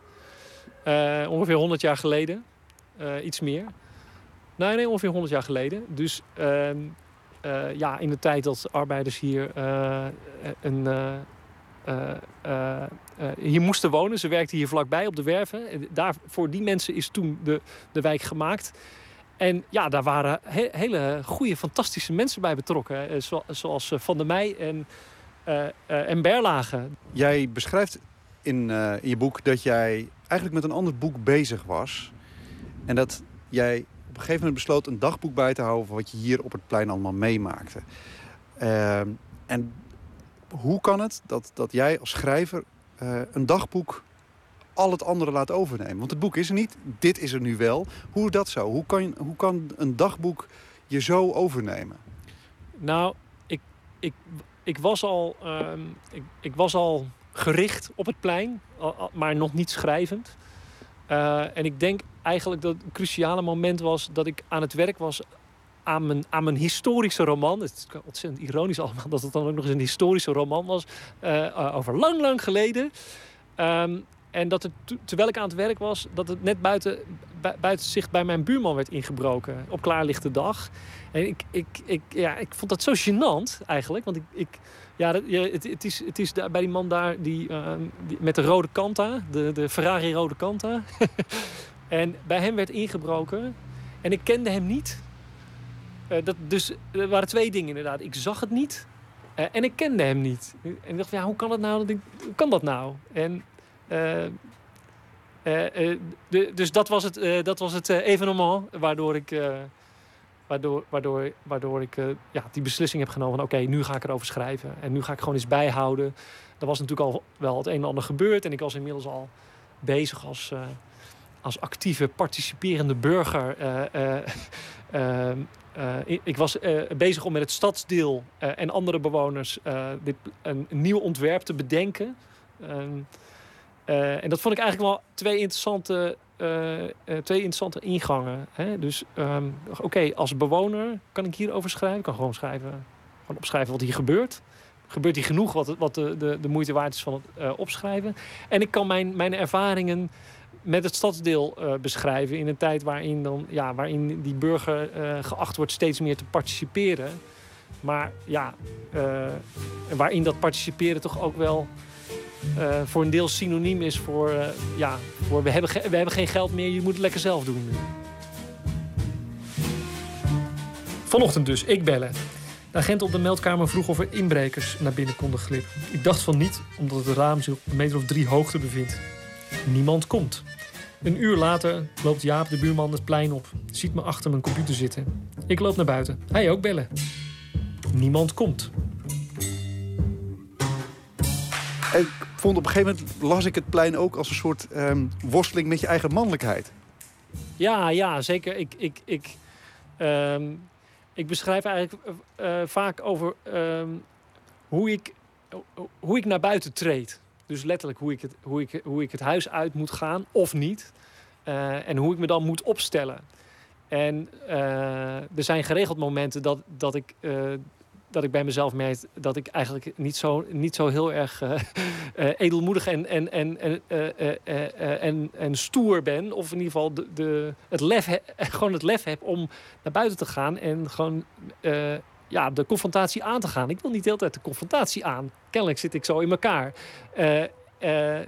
En, maar ik, ik, heb het wel, ik heb het wel nodig gevonden om de- ook dat dan op te schrijven. Omdat ik denk dat omdat, omdat ik denk dat het niet uitzonderlijk is dat mensen dat hebben. Dat ze niet de hele tijd de confrontatie willen aangaan. Ehm, ja, dus, dus in, die, in, in die zin gaat het boek ook heel erg over, over hoe, je, ja, hoe je mensen aanspreekt. Hoe, je, hoe, hoe, eh, hoe soms hoe je kinderen aanspreekt. En hoe je ja, over, die, over het verschil tussen binnen, die binnenwereld van het huis, die eigenlijk geen binnenwereld meer is, eh, en de buitenwereld. En hoe dat, ja, hoe dat allemaal met elkaar eh, vermengd raakt eigenlijk. Ja. Was het, was het opschrijven van het onvermogen een manier om, om toch ook weer wat terug te winnen? Ja, zeker. Ik ben, ik ben voortdurend bezig met claimen, zoals ik het dan noem. Ik claim het plein. En nou, dat doe ik concreet door ook naar buiten te gaan. Door af en toe een kop koffie te drinken eh, op het plein. Ehm, ehm, door ook met mijn zoon te spelen op het plein. Ehm, eh, en en achter de, op een gegeven moment achter de computer elke dag een klein stukje. door het te beschrijven. Ja. Dus dan, dan, dan, dan, daarmee maak ik het tot iets van mijzelf. Ja, daarmee win ik het inderdaad. Ja. Je bent een schrijver. Jij schrijft. En je zegt het net al. Jij schrijft eh, gedichten, historische romans. En dan juist hiermee nou, gebeurt er iets. Hè? Je, je, je schrijven beïnvloedt de wereld. Dat, dat, het is, eh, je reflecteert erop, maar door dat reflecteren beïnvloed je die buitenwereld ook weer. Ben je anders over schrijven en jouw schrijven na gaan denken? Nou ja, eh, zeker. Dat, maar ik weet niet of dat, al, of dat al aan de hand was voordat ik aan het dagboek eh, begon. Het is natuurlijk wel een, stap om, om ineens niet meer eh.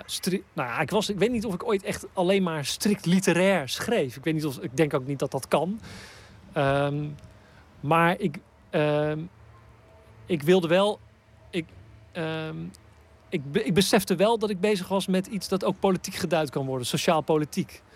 Eh, dat vond ik wel, dat vond ik spannend. En er is de, af- de- ja, er is de afgelopen jaren, zeker sinds de, de, de, de kunstbezuinigingen, is er behoorlijk veel geschreven eh, en gezegd over de, over de verhouding tussen, ja, tussen kunst en maatschappij, tussen, tussen, tussen literatuur en, en tussen literatuur en politiek. En ehm, eh, daar daar zat veel. ehm, er zat veel onzin bij trouwens. maar ehm, eh, eh, eh, ik, ik, was, ik, was, ik was me er wel bewust van dat ik, dat ik ineens dat ik iets aan het maken was dat, meer, dat inderdaad meerdere functies, eh, of ja, meerdere. ehm pluriform is niet het goede woord. Ehm, nou ja, dat, dat, dat, dat, dat, een, dat, een dat, dat een bredere maatschappelijke inbedding kon krijgen. En niet, niet alleen maar literair, ja, als lit- literair geduid zou worden. Vervolgens loopt er een vrouw het plein op met haar hond aan de lijn. Deze vrouw heeft een opmerkelijke bilpartij in haar donkerblauwe spijkerbroek verstopt. Ze draagt een klein brilletje, een soort leesbril. Ze hoort het alarm, ziet het zwaailicht en haalt haar telefoon tevoorschijn. Ze loopt op ons huis af, zodat ze weet welk adres door te geven aan de politie. Ze kijkt een beetje om zich heen, alsof ze zich afvraagt waarom er niemand belt. Haar bril glijdt van haar neus af op haar mond. Ik zie toe hoe ze zo de politie belt. Er is nog niemand gekomen. Heeft het dagboekje nou eigenlijk geholpen? Nou, ik merkte bijvoorbeeld, eh, ik denk dat het me op allerlei manieren geholpen heeft, maar ik zal, het, ik zal er twee proberen te noemen. Ten eerste merkte ik tijdens het schrijven dat het beter ging. Dus we, eh, in de zin van eh, wat overlast betreft hè, en, en, en wat betreft contact met de buurt. Ik merkte gewoon dat dat beter ging in 2014. Er zat een ontwikkeling in die ik vooraf niet had kunnen, vo- volgens mij had kunnen voorzien. En ten tweede was het, en dat is dan het literaire, artistieke eh, gedeelte, was dat het me eh, ja, ge- geholpen heeft om op een nieuwe manier te schrijven. Dus ik, ik ben uit mezelf geen dagboekenschrijver. Dat had het nooit gedaan. Eh, ik moest ineens snel leveren. Ook dat, da- ook dat was ik niet gewend. Eh, ja, want ja, ik laat dingen eindeloos liggen en werk er dan nog eens eindeloos aan. En voor ik het dan uitbreng, ja, dat gaat een e- enorme eh, tijdspanne overheen. Ook dat was interessant. Dus het was ook artistiek literair. artistiek literair was het, was het interessant en vernieuwend en, en, en, en, eh, onbekend terrein. Ehm, ja, dus ik- eh, dat, heeft me veel, eh, in dat opzicht heeft me veel gebracht.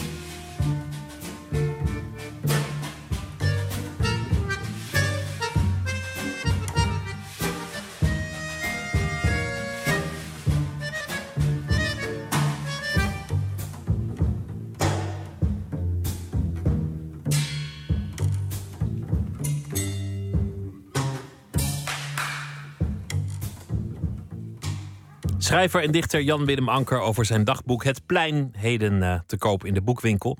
Lapsley is een zangeres uit eh, Engeland. Ze heeft nog maar één EP uit, Understudy. Maar het maakte wel indruk vanwege het stemgeluid en de elektronica. Luister naar Falling Short. One month February, keep on holding on. And I know it's. And short.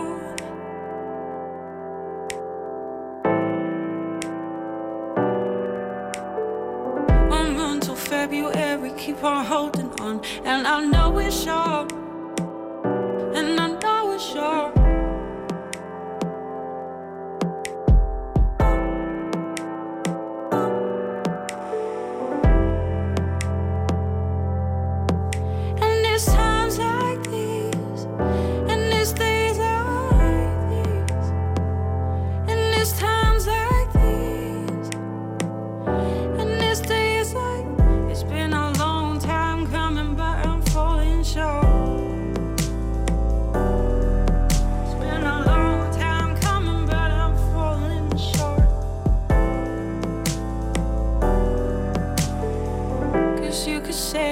it's not too far to carry this. Cause you could save this, it's not too far to carry this. Cause you could save this, it's not too far to carry this. Cause you could save this, it's not too far to carry this.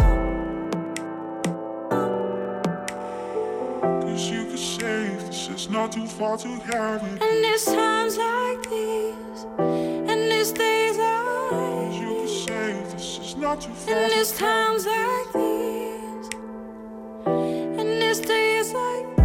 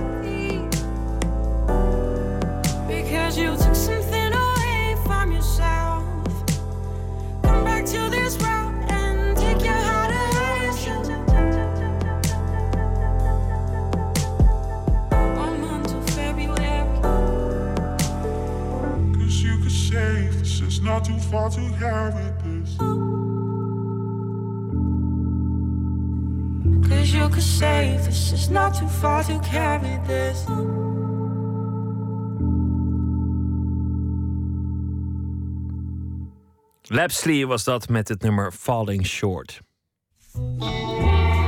Nooit meer slapen. De Amerikaans-Russische filosoof en schrijfster Ayn Rand, de grondlegger van het gedachtegoed waarin egoïsme de hoogste waarde is.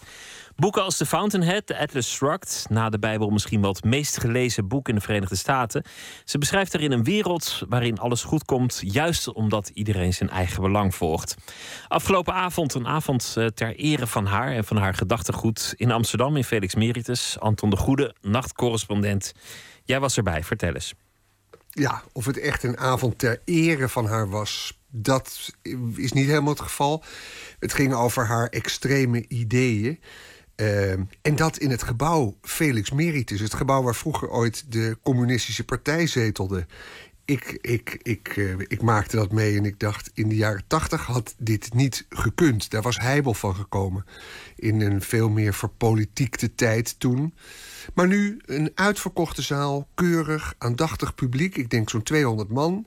eh, veel studenten. Eh, bijzonder, wat gebeurde daar? Het was niet ter ere, maar haar ideeën werden behandeld en besproken door een panel. Laten we eerst even luisteren naar de stem van Ayn Rand uit een interview met Mike Wallace uit 1951. Ayn Rand was toen 54 jaar en het was haar eerste tv-optreden. I hold that if man wants to live on earth and to live as a human being, he has to hold reason as an absolute, by which I mean that he has to hold reason as his only guide to action, and that he must live by the independent judgment of his own mind, that his highest moral purpose is the achievement of his own happiness. De mens is zelf verantwoordelijk voor het eigen geluk. Zij, zij had natuurlijk die Russische achtergrond. Zij zag daar het leed van het communisme. Zij stelde zich een wereld voor waarin eh, alle bevoogding en al het bepalen voor een ander afwezig zou zijn. En volgens haar was dat iets goeds. Dat, dat maakt voor, voor twee fascinerende boeken in ieder geval. Ja, twee romans, hè, want ze legde haar ideeën neer in romans. En de strekking was eigenlijk vrij simpel. Eh, de staat moet bijna niks doen. Alleen maar politie, rechtspraak en defensie regelen. En iedereen moet verder voor zichzelf zorgen. Als je de belangen van anderen voorop stelt, ben je immoreel bezig. Egoïsme is een deugd, altruïsme is het kwaad. Ehm, en als je alleen maar aan jezelf denkt, is dat niet afkeurenswaardig. Je zou nu zeggen, en zeker doen wij dat in Nederland, tamelijk bezopen ideeën. Ehm, maar Nou, waar dan. Pop, pop, pop. Toch? Ja, zeg je, Nou. zou je dat niet zeggen? Nou, ik- ik, begrijp wel ergens een beetje wat ze bedoelt, Anton. Ja. Ja, bedoel, ze, ze draaft door, maar dat is ook om je idee een beetje aan de man te brengen. Ja, nou dat kan heel goed. Eh, ik vroeg me af waar de belangstelling vandaan kwam. En een van de mensen op het podium was Floor Rusman. 29 jaar jong, redacteur, columniste bij NRC Next en historica. Eh, en inmiddels ook Ayn Rand-kenner. Zij zegt Ayn, heel veel mensen zeggen één. Ze studeerde af op het werk van Rand, die zij ziet in de eerste plaats als utopist, wat ze natuurlijk is, want ze maakt een beeld van een, van een soort ideale wereld naar haar idee. Eh, deze Floor Rustman die vertelde dat zij op haar gewezen werd door het boek van Hans Achterhuis, De Utopie van de Vrije Markt, waarnaar zij alles van Ayn Rand wilde lezen. Ik vroeg haar allereerst waarom zij kennelijk zo geïnteresseerd is in utopieën. Ja, omdat het zoiets eh, mooi simpels en ronds is, waarin alles klopt en wat eigenlijk een soort schematische weergave is van de werkelijkheid, die je in de echte werkelijkheid natuurlijk nooit ziet. Want de echte werkelijkheid is rommelig en houdt zich niet echt aan regels en er zijn alleen maar uitzonderingen en zo. En ik vind het een mooie literaire vorm. En, ik, en het fascineert me dat er mensen zijn die echt geloven dat zoiets op de wereld kan bestaan, want daar geloof ik helemaal niet in. Maar dat maakt het voor mij wel interessant. En ik heb tijdens mijn studie ook wel veel gelezen over eh, linkse utopisten. En dat is natuurlijk ook heel erg interessant. Dat er bijvoorbeeld in Nederland in de jaren zestig heel erg veel intellectuelen waren die, ondanks eh, geluiden dat het daar toch niet zo goed was, eh, heel erg geïnteresseerd waren in de Sovjet-Unie en Cuba en China en zo. En daar ook heen gingen en dan alleen maar zagen wat ze wilden zien. Dat vind ik vooral heel erg interessant. Ja, interessant en eigenlijk ook treurig. Ja, zeker. Nee, ik word, er, ik word er ook niet heel erg optimistisch van of zo. Maar ik, ja, ik verdien me ook niet per se in dingen omdat ik optimistisch wil worden. Ja, Anton, het, het is eigenlijk wel een, een interessante signalering dat utopieën vaak minder leuke boeken opleveren dan dystopieën. Als iemand een voorland schetst waarin alles mis is, dat zijn vaak de leukere boeken. George Orwell, 1984, dat, dat, zijn, dat zijn vaak de, de leesbaardere boeken. Floor Rustman klonk trouwens niet als, als iemand die echt, echt gelooft in, eh, in wat man te bieden heeft. Z- zij is niet een echte believer. Zij vindt het verschijnsel interessant. Maar bij anderen gaat het verder. Hè? Er is veel aandacht op televisie voor Rand geweest. Er was het stuk van Ivo van Hoven, gemaakt op basis van dat boek, Fountainhead. En er waren al eerder de mug eh, met de gouden tand, acteurs die ook Ayn Rand op toneel brachten een paar jaar geleden. Ik heb aan Floor Rustman gevraagd waar, waar naar haar idee die huidige aandacht vandaan komt. Ik denk dat een deel van de aandacht wel komt doordat eh, met de opkomst van de Tea Party in 2010... veel van die Tea Party'ers zijn heel erg fan van haar. ehm, vanwege haar libertaire ideeën. En, en ik denk dat die mensen dan geïnteresseerd zijn in haar als een soort historisch figuur of zo. Of eh, een rechtsfiguur. Ja, je hebt natuurlijk ook wel libertarische aanhangers in Nederland. Daar heb ik er een paar van ontmoet. Maar ik weet niet of die groep nou zo heel groot is. En de mensen om me heen die ik heb ontmoet die haar interessant vinden, inclusief eh, dus acteurs en regisseurs, die, die vinden vooral haar minder politieke ideeën interessant. Over authenticiteit en ehm, je eigen pad kiezen in het leven en je zo min mogelijk laten beïnvloeden door anderen. Ja, en hoe dat nu komt, ik denk dat dat meer een samenloop van omstandigheden is. Dat Ivo van Hoven er bijvoorbeeld voor heeft gekozen om dit stuk op te voeren, heeft er weer toe geleid dat heel veel mensen haar boeken zijn gaan lezen. En die boeken zijn ook in nieuwe vertalingen uitgekomen. En ik ben bij een paar leesclubjes geweest waar mensen de Fountainhead lazen. En veel van hen vonden het echt heel inspirerend. Maar dan vooral om die hele, hele individualistische gevoelens en gedachten erin. En helemaal niet om dat politieke. Ja, want ook toch nog een, een, een goed boek, ook los van het politieke. En bijvoorbeeld Mark Rutte, niet echt een romanlezer. is meer iemand die, die non-fictie leest. Die heeft wel eens gezegd dat het zijn favoriete boek is. Dus, dus het heeft ook eh, invloed gehad Ja, op de een of andere manier. Maar dan daag ik jou uit, Pieter, om te zeggen waar en wanneer hij dat gezegd heeft. Want dat vroeg ik ook aan Floor eh, Rusman, want dat wordt altijd over hem gezegd. Maar hoor- waar heeft hij dat nou... Ja? Dat, dat, moet je dan weer, dat heb ik weer van Hans Achterhuis. Want die citeert dat in dat boek, dat Mark Rutte dat eh, gezegd zou hebben. Ik heb het Mark Ja, Rutte niet zelf horen zeggen. Dat klopt. Nee, oké, nou Floor Rusman die heeft, is naar op zoek gegaan van waar heeft hij dat gezegd. En zij betwijfelt eigenlijk of hij dat gezegd heeft. Want zij zegt van ja, Mark Rutte en zijn ideeën... die lijken in de verste verte eigenlijk niet...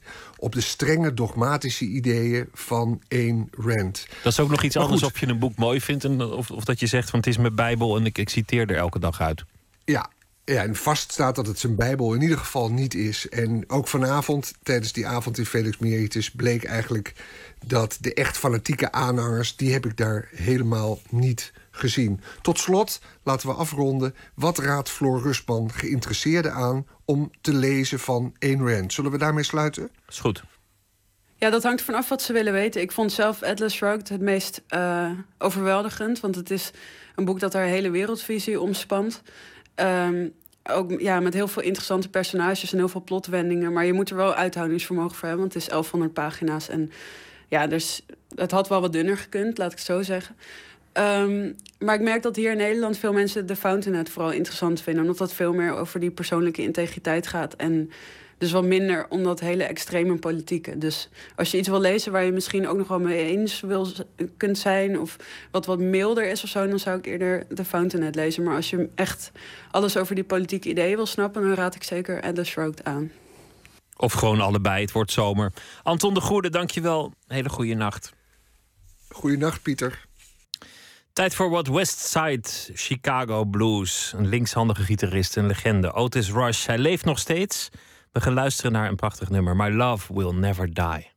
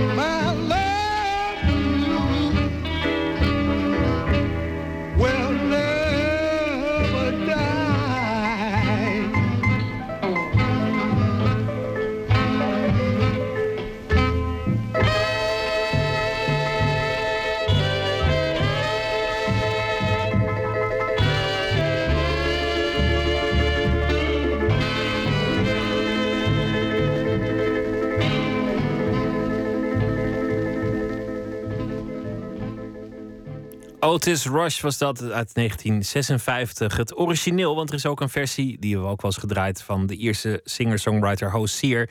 Maar dit was dus het origineel. My Love Will Never Die. Nooit meer slapen.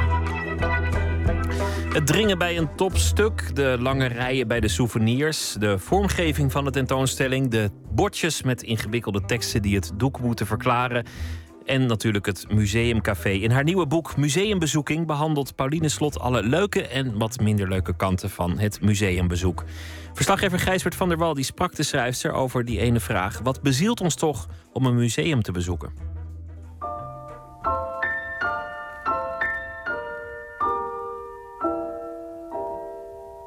Ik vraag me eigenlijk altijd wel af als ik ergens ben, wat, wat doe ik hier eigenlijk? Die vraag komt vrij veel op. Maar hij kwam wel heel in het bijzonder op toen ik eh, een paar jaar geleden in Londen was... voor de grote David Hockney tentoonstelling. En ik was daar speciaal naartoe gevlogen. En ik had ook speciaal die kaartjes geboekt eh, om daar om eh, half drie 's middags of zo naar binnen te mogen. Maanden van tevoren geregeld. En toen was ik daar en ik vond het heel erg mooi. Maar ik vond het ook heel erg druk. En ik liep daar en ik dacht, het, het kwam echt zo op dat ik dacht van, wat ben ik eigenlijk aan het doen? Waarom? Het was echt zo'n blockbuster met zo'n record aantal bezoekers. Hè? Ja, ra- lange rijen buiten van mensen die toch nog probeerden een kaartje te krijgen. En eh, die vraag die kwam zo naar boven. Dat ik dacht, waar- waarom ben ik hier eigenlijk naartoe gegaan? Ik heb al die moeite gedaan, geld uitgegeven, eh, van alles gepland en gedaan. En nu loop ik hier en ik geniet heus wel, maar eigenlijk vind ik het ook wel heel vreemd. Want ik kan die schilderijen helemaal niet goed bekijken. Want al die mensen lopen voor mij eh, langs en ze zijn wel heel groot. Maar eh, nou ja, tot 1,80 meter of zo kan ik nog steeds niks zien, want zie ik al die hoofden. En ik keek ook naar die mensen en ik dacht ook van wa- waarom zijn jullie hier eigenlijk? Wat brengt jullie hier? En dan keek ik naar die gezichten. En dat doe ik al heel lang trouwens in musea, dat ik naar de gezichten kijk. En dat ik eigenlijk bijna nooit mensen heel blij zie kijken. Want we gaan allemaal wel eh, heel veel naar musea. Dat willen we kennelijk ook. Maar om nou te zeggen dat je mensen daar heel gelukkig ziet rondlopen. Ja, dat willen we kennelijk ook. Maar misschien is het voor veel mensen ook dat ze het gevoel hebben dat ze dat moeten. Nou ja, dat gevoel krijg ik ook wel. Ja, dat, hè, de- Van hun of van jezelf? Eh, ik, ik voel die druk zelf ook. Er is Ja? nu, ja, het is nu wel een beetje zo. Want ik ben bijvoorbeeld niet naar de Rothko-tentoonstelling geweest... en ook niet naar de Rembrandt-tentoonstelling. Maar het gekke is dat ik voelde heel erg wel van... ik moet daar naartoe. En het vergt eigenlijk haast wat tegenwoordig om te denken... nee, ik ga daar niet naartoe. Het is haast een wilsbesluit wat je dan neemt. denkt van dat bepaal ik zelf wel. Ja, en er wordt natuurlijk vanuit de musea nu ook enorm aan gewerkt om ons daar naartoe te krijgen. Want het eh, Rijksmuseum, mijn hemel. Die... Once in a lifetime. Precies, ja, die, die filmpjes. Het was allemaal dat je dacht: oh my god, als ik daar niet naartoe ga, dan gebeurt er iets heel ergs in mijn leven. Dan blijf ik de rest van mijn leven voor mijn kop slaan dat ik daar niet geweest Ja, ben. en dat blijkt ook, want nu hebben we het er al over dat jij het gemist hebt. Ja, maar ik leid daar niet onder. Althans, op dit moment heb ik daar Nou, nog geen vreselijke spijt van gekregen. Nou, het kan nog komen. Ehm, maar, nee, maar goed, dus mensen die, die krijgen misschien wel doordat die musea zo'n uitgekiende PR-strategie hebben, Mhm. krijgen ze het gevoel dat ze erbij moeten zijn, dat ze het gezien moeten hebben. En dan sta jij daar in zo'n zaal. Ja, en dan denk ik toch ook wel juist, eh, omdat er zoveel verwachtingen eh, mee verbonden zijn, van ja, maar wat, wat beleef ik hier nou eigenlijk? Klopt dat eigenlijk wel met de verwachting van wauw, nu gaat er iets geweldigs gebeuren?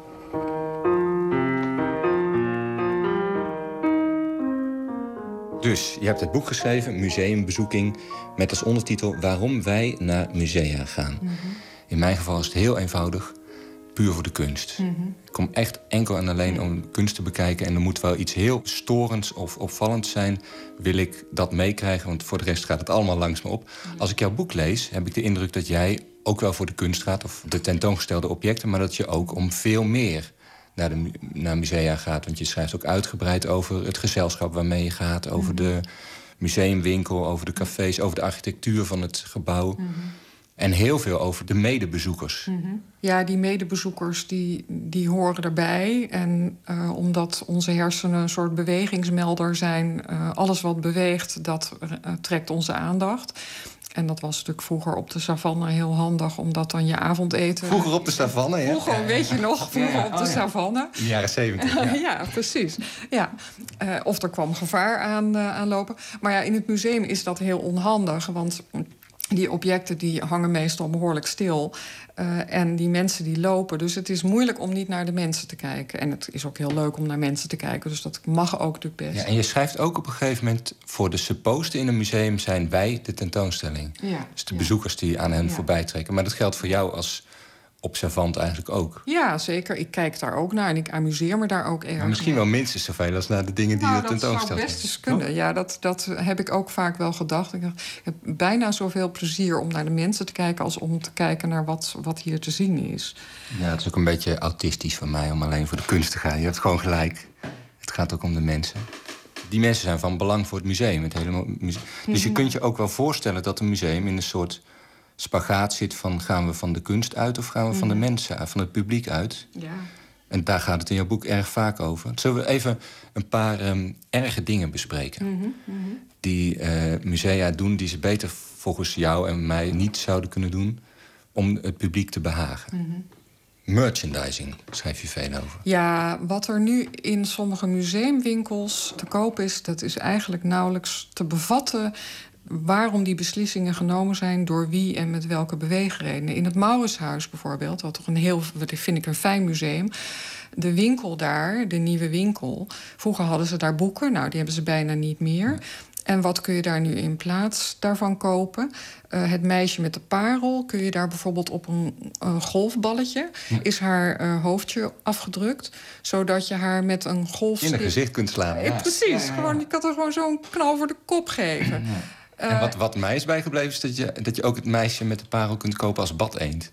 Als batteneend, inderdaad. En je hebt er ook als zo'n soort eh, verkreukelde drinkzak. Oh ja. En het akelige daarvan is... Want kijk, dat ze op een beker staat... Nou ja, oké, als het moet, of een placemat of zo... of een agenda, dat, dat kan allemaal nog wel. Dan zie je die reproductie in je dagelijks leven Ja. nog eens langskomen. Precies, ja. Maar eh, die beelden hè, op zulke voorwerpen worden zo vervormd... en ook zo goedkoop gemaakt. Die, als je die drinkzakken ziet, zijn je schrikt gewoon van... hoe afschuwelijk dat beeld daardoor vervormd wordt. En dan denk je van, waarom zou je dat nou doen als museum? Ander punt. Het inzetten van bekende Nederlanders Mhm. in tentoonstellingen. Ja, eh, het lijkt wel alsof we die als een soort intermediair eh, nodig hebben... eh, om ons misschien ook weer binnen te lokken. Eh, alsof, eh, ja, als er een anonieme tentoonstellingsmaker is... dat we het dan misschien niet interessant genoeg zullen vinden. Ik, ik weet niet precies wat dat is. Ik denk ook altijd met bekende Nederlanders... het is zo klein gedacht, want... Buitenlandse bezoekers van die musea kennen Halina Rijn helemaal niet. Nee, of nee. Mark-Marie Huibrecht. Nee, nee, dat Dus klopt. wat hebben die aan de persoonlijke keuze van zo iemand? Nou ja, wat natuurlijk wel aardig is in Amsterdam... Hè, dat heel veel van de musea worden daar ook natuurlijk erg bestormd... Door, juist door toeristen.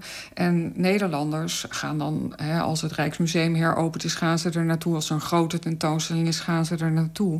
Maar die gaan lang niet altijd eh, geregeld naar het Van Gogh Museum... of Hmm. zelfs maar naar het Stedelijk. Ja, dus de Nederlanders moeten getrokken worden met Ja, bekende Nederlanders. Ja, en dan gaan die ook weer eens gewoon in hun eigen land of stad naar iets kijken. Ja, Eh, nog een punt, acteurs. ja, Dit gilde rukt op in het museum, schrijf je in je boek. ja. Naar aanleiding van het Scheepvaartmuseum in Amsterdam, geloof ik. Maar ik zag het laatst ook bijvoorbeeld in het Drents Museum in Assen. Waar dan ineens, eh, dan kijk je in een spiegel en dan zie je ineens in die spiegel verschijnt. Dat is trouwens prachtig gedaan. Dan verschijnt er ineens iemand in die spiegel. Bijvoorbeeld een dienstmeisje. Dat is dan een kamer die eruit ziet zoals eh, eeuwen geleden. En dan verschijnt er ineens een dienstmeisje. Alleen het zijn altijd acteurs die van die, van die onnozele teksten zeggen. En dan die teksten die toch duidelijk opgeschreven zijn... zeggen alsof ze die ter plekke verzinnen. Dat is verschrikkelijk. Dat is vreselijk. En er wordt niks gezegd. Ja, en daar zie je ook weer, dan, dat is die vermenging die dan plaatsvindt.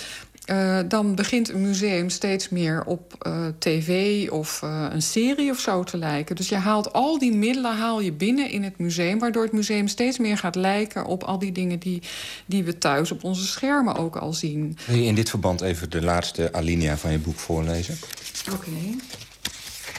In de drang tot wat voor interactie doorgaat, bieden musea steeds meer dingen aan die we thuis veel beter hebben. Touchscreens met informatie, spelletjesachtige activiteiten waar je ook nog wat van kunt leren. Dat is een niet te winnen strijd. Musea moeten vertrouwen op hun kracht. Die ligt primair in het tonen en duiden van unieke objecten, de mogelijkheid van een ruimtelijke ervaring en in de niet te overschatten waarde van sociaal verkeer in een omgeving die beschaafd is en van ons allemaal. Een publieke ruimte van de beste soort.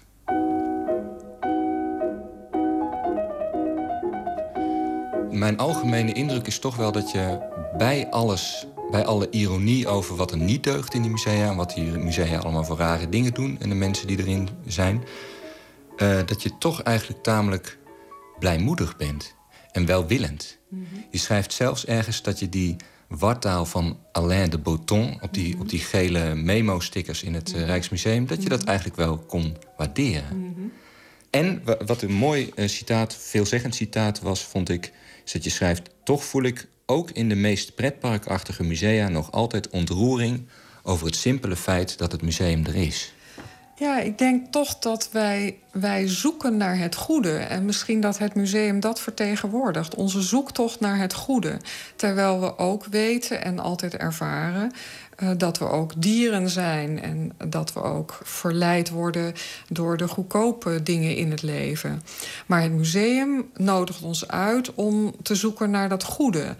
Ik denk dat ik daarom ga. Dat ik dat daar toch ervaar op de een of andere manier. En dus Ja, maar en bovendien, het dier in jou komt ook aan zijn trekken. Want eh, er zijn ook restaurants. En, en je kunt ook naar, de, naar, naar je soortgenoten kijken. Precies, precies. Alleen wil Dus het is niet je- alleen maar verheven. Het is niet alleen maar verheven. En dat hoeft het ook helemaal niet te zijn natuurlijk. Nee. Maar de verhouding moet wel goed zijn. Eh, en Ja, is dat het dan misschien? Dat, Ja, het, dat, dat dus dat, dat een plek is waar, die, waar die twee dingen helemaal in verhouding zijn. Ja, en je wil niet dat het dierlijke, hè, de, het koffiedrinken en het shoppen, dat dat eh, de over. Want dat doen dieren, hè? Die winkelen de hele Die dag. winkelen ontzettend. Die zijn altijd aan het snavelen en aan het zoeken. Ja. Maar, en aan het jagen. Winkelen is natuurlijk een vorm van jagen. Ja. Eh, en die verhouding moet dus blijven kloppen. En daarom moeten er ook stillere zalen zijn. En moet het niet allemaal bewegen. En eh, moet je niet overal wat kunnen kopen. Eh, en niet overal op een knop kunnen drukken. Maar Ja. moet er ook eh, plek zijn voor die, voor die stillere beleving.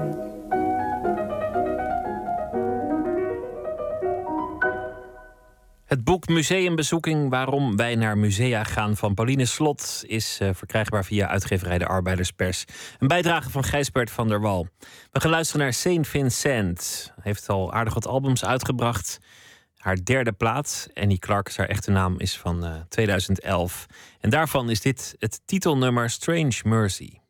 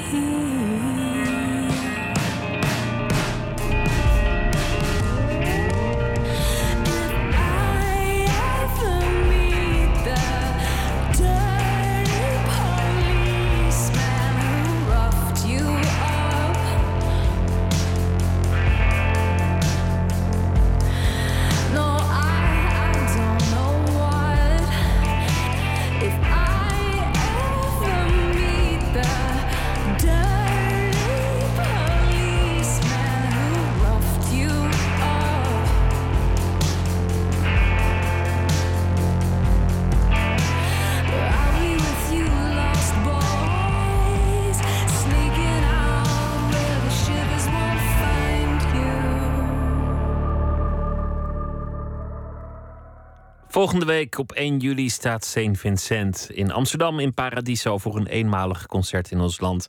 Het nummer heet A Strange Mercy. Helene Gelens sluit deze week elke uitzending af met een favoriet gedicht. Ze is zelf ook dichter, publiceerde drie bundels, ontving in 2010 de Jan Kampertprijs voor haar werk Zet af en zweef.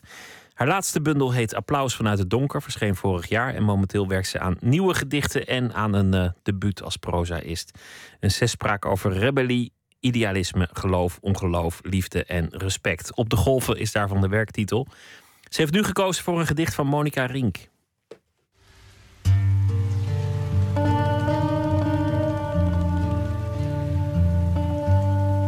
Het gedicht dat ik zo ga lezen is een gedicht van Monica Rink uit haar debuutbundel uit 2004. En dat gedicht uh, won mij onmiddellijk voor haar poëzie. Dat gebeurt niet vaak. Dat je een één gedicht leest van een dichter en gelijk eigenlijk alles ervan van die dichter wil lezen. Uh, het, is, het, gedicht is een, uh, een talige, dialogische poging om grip op het leven te krijgen. Het, gedicht dat loopt en klinkt. En tegelijkertijd uh, toont het ook de onmogelijkheid van communicatie. Er is een relatie tot de ik en de ei en die is nogal raadselachtig en dat maakt het gedicht heel spannend. Je weet niet of, het, of er sprake is van een meester-leerlingverhouding... of een gesprek tussen twee vrienden of tussen twee geliefden. Het gedicht. Vijver.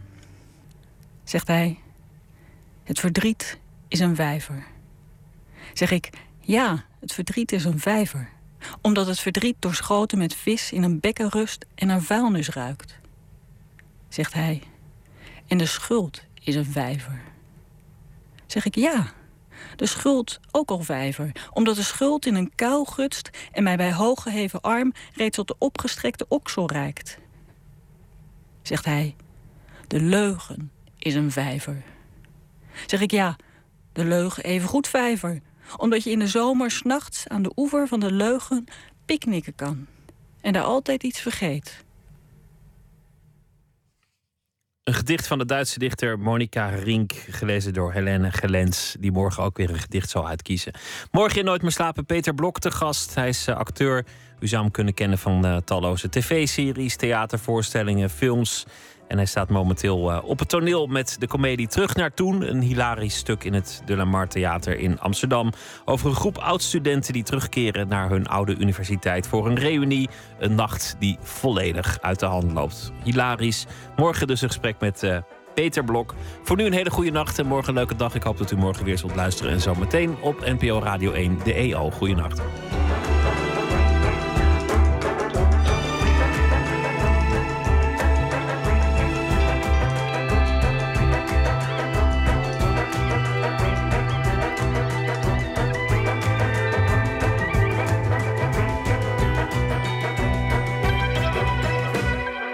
Radio 1, het nieuws van alle kanten.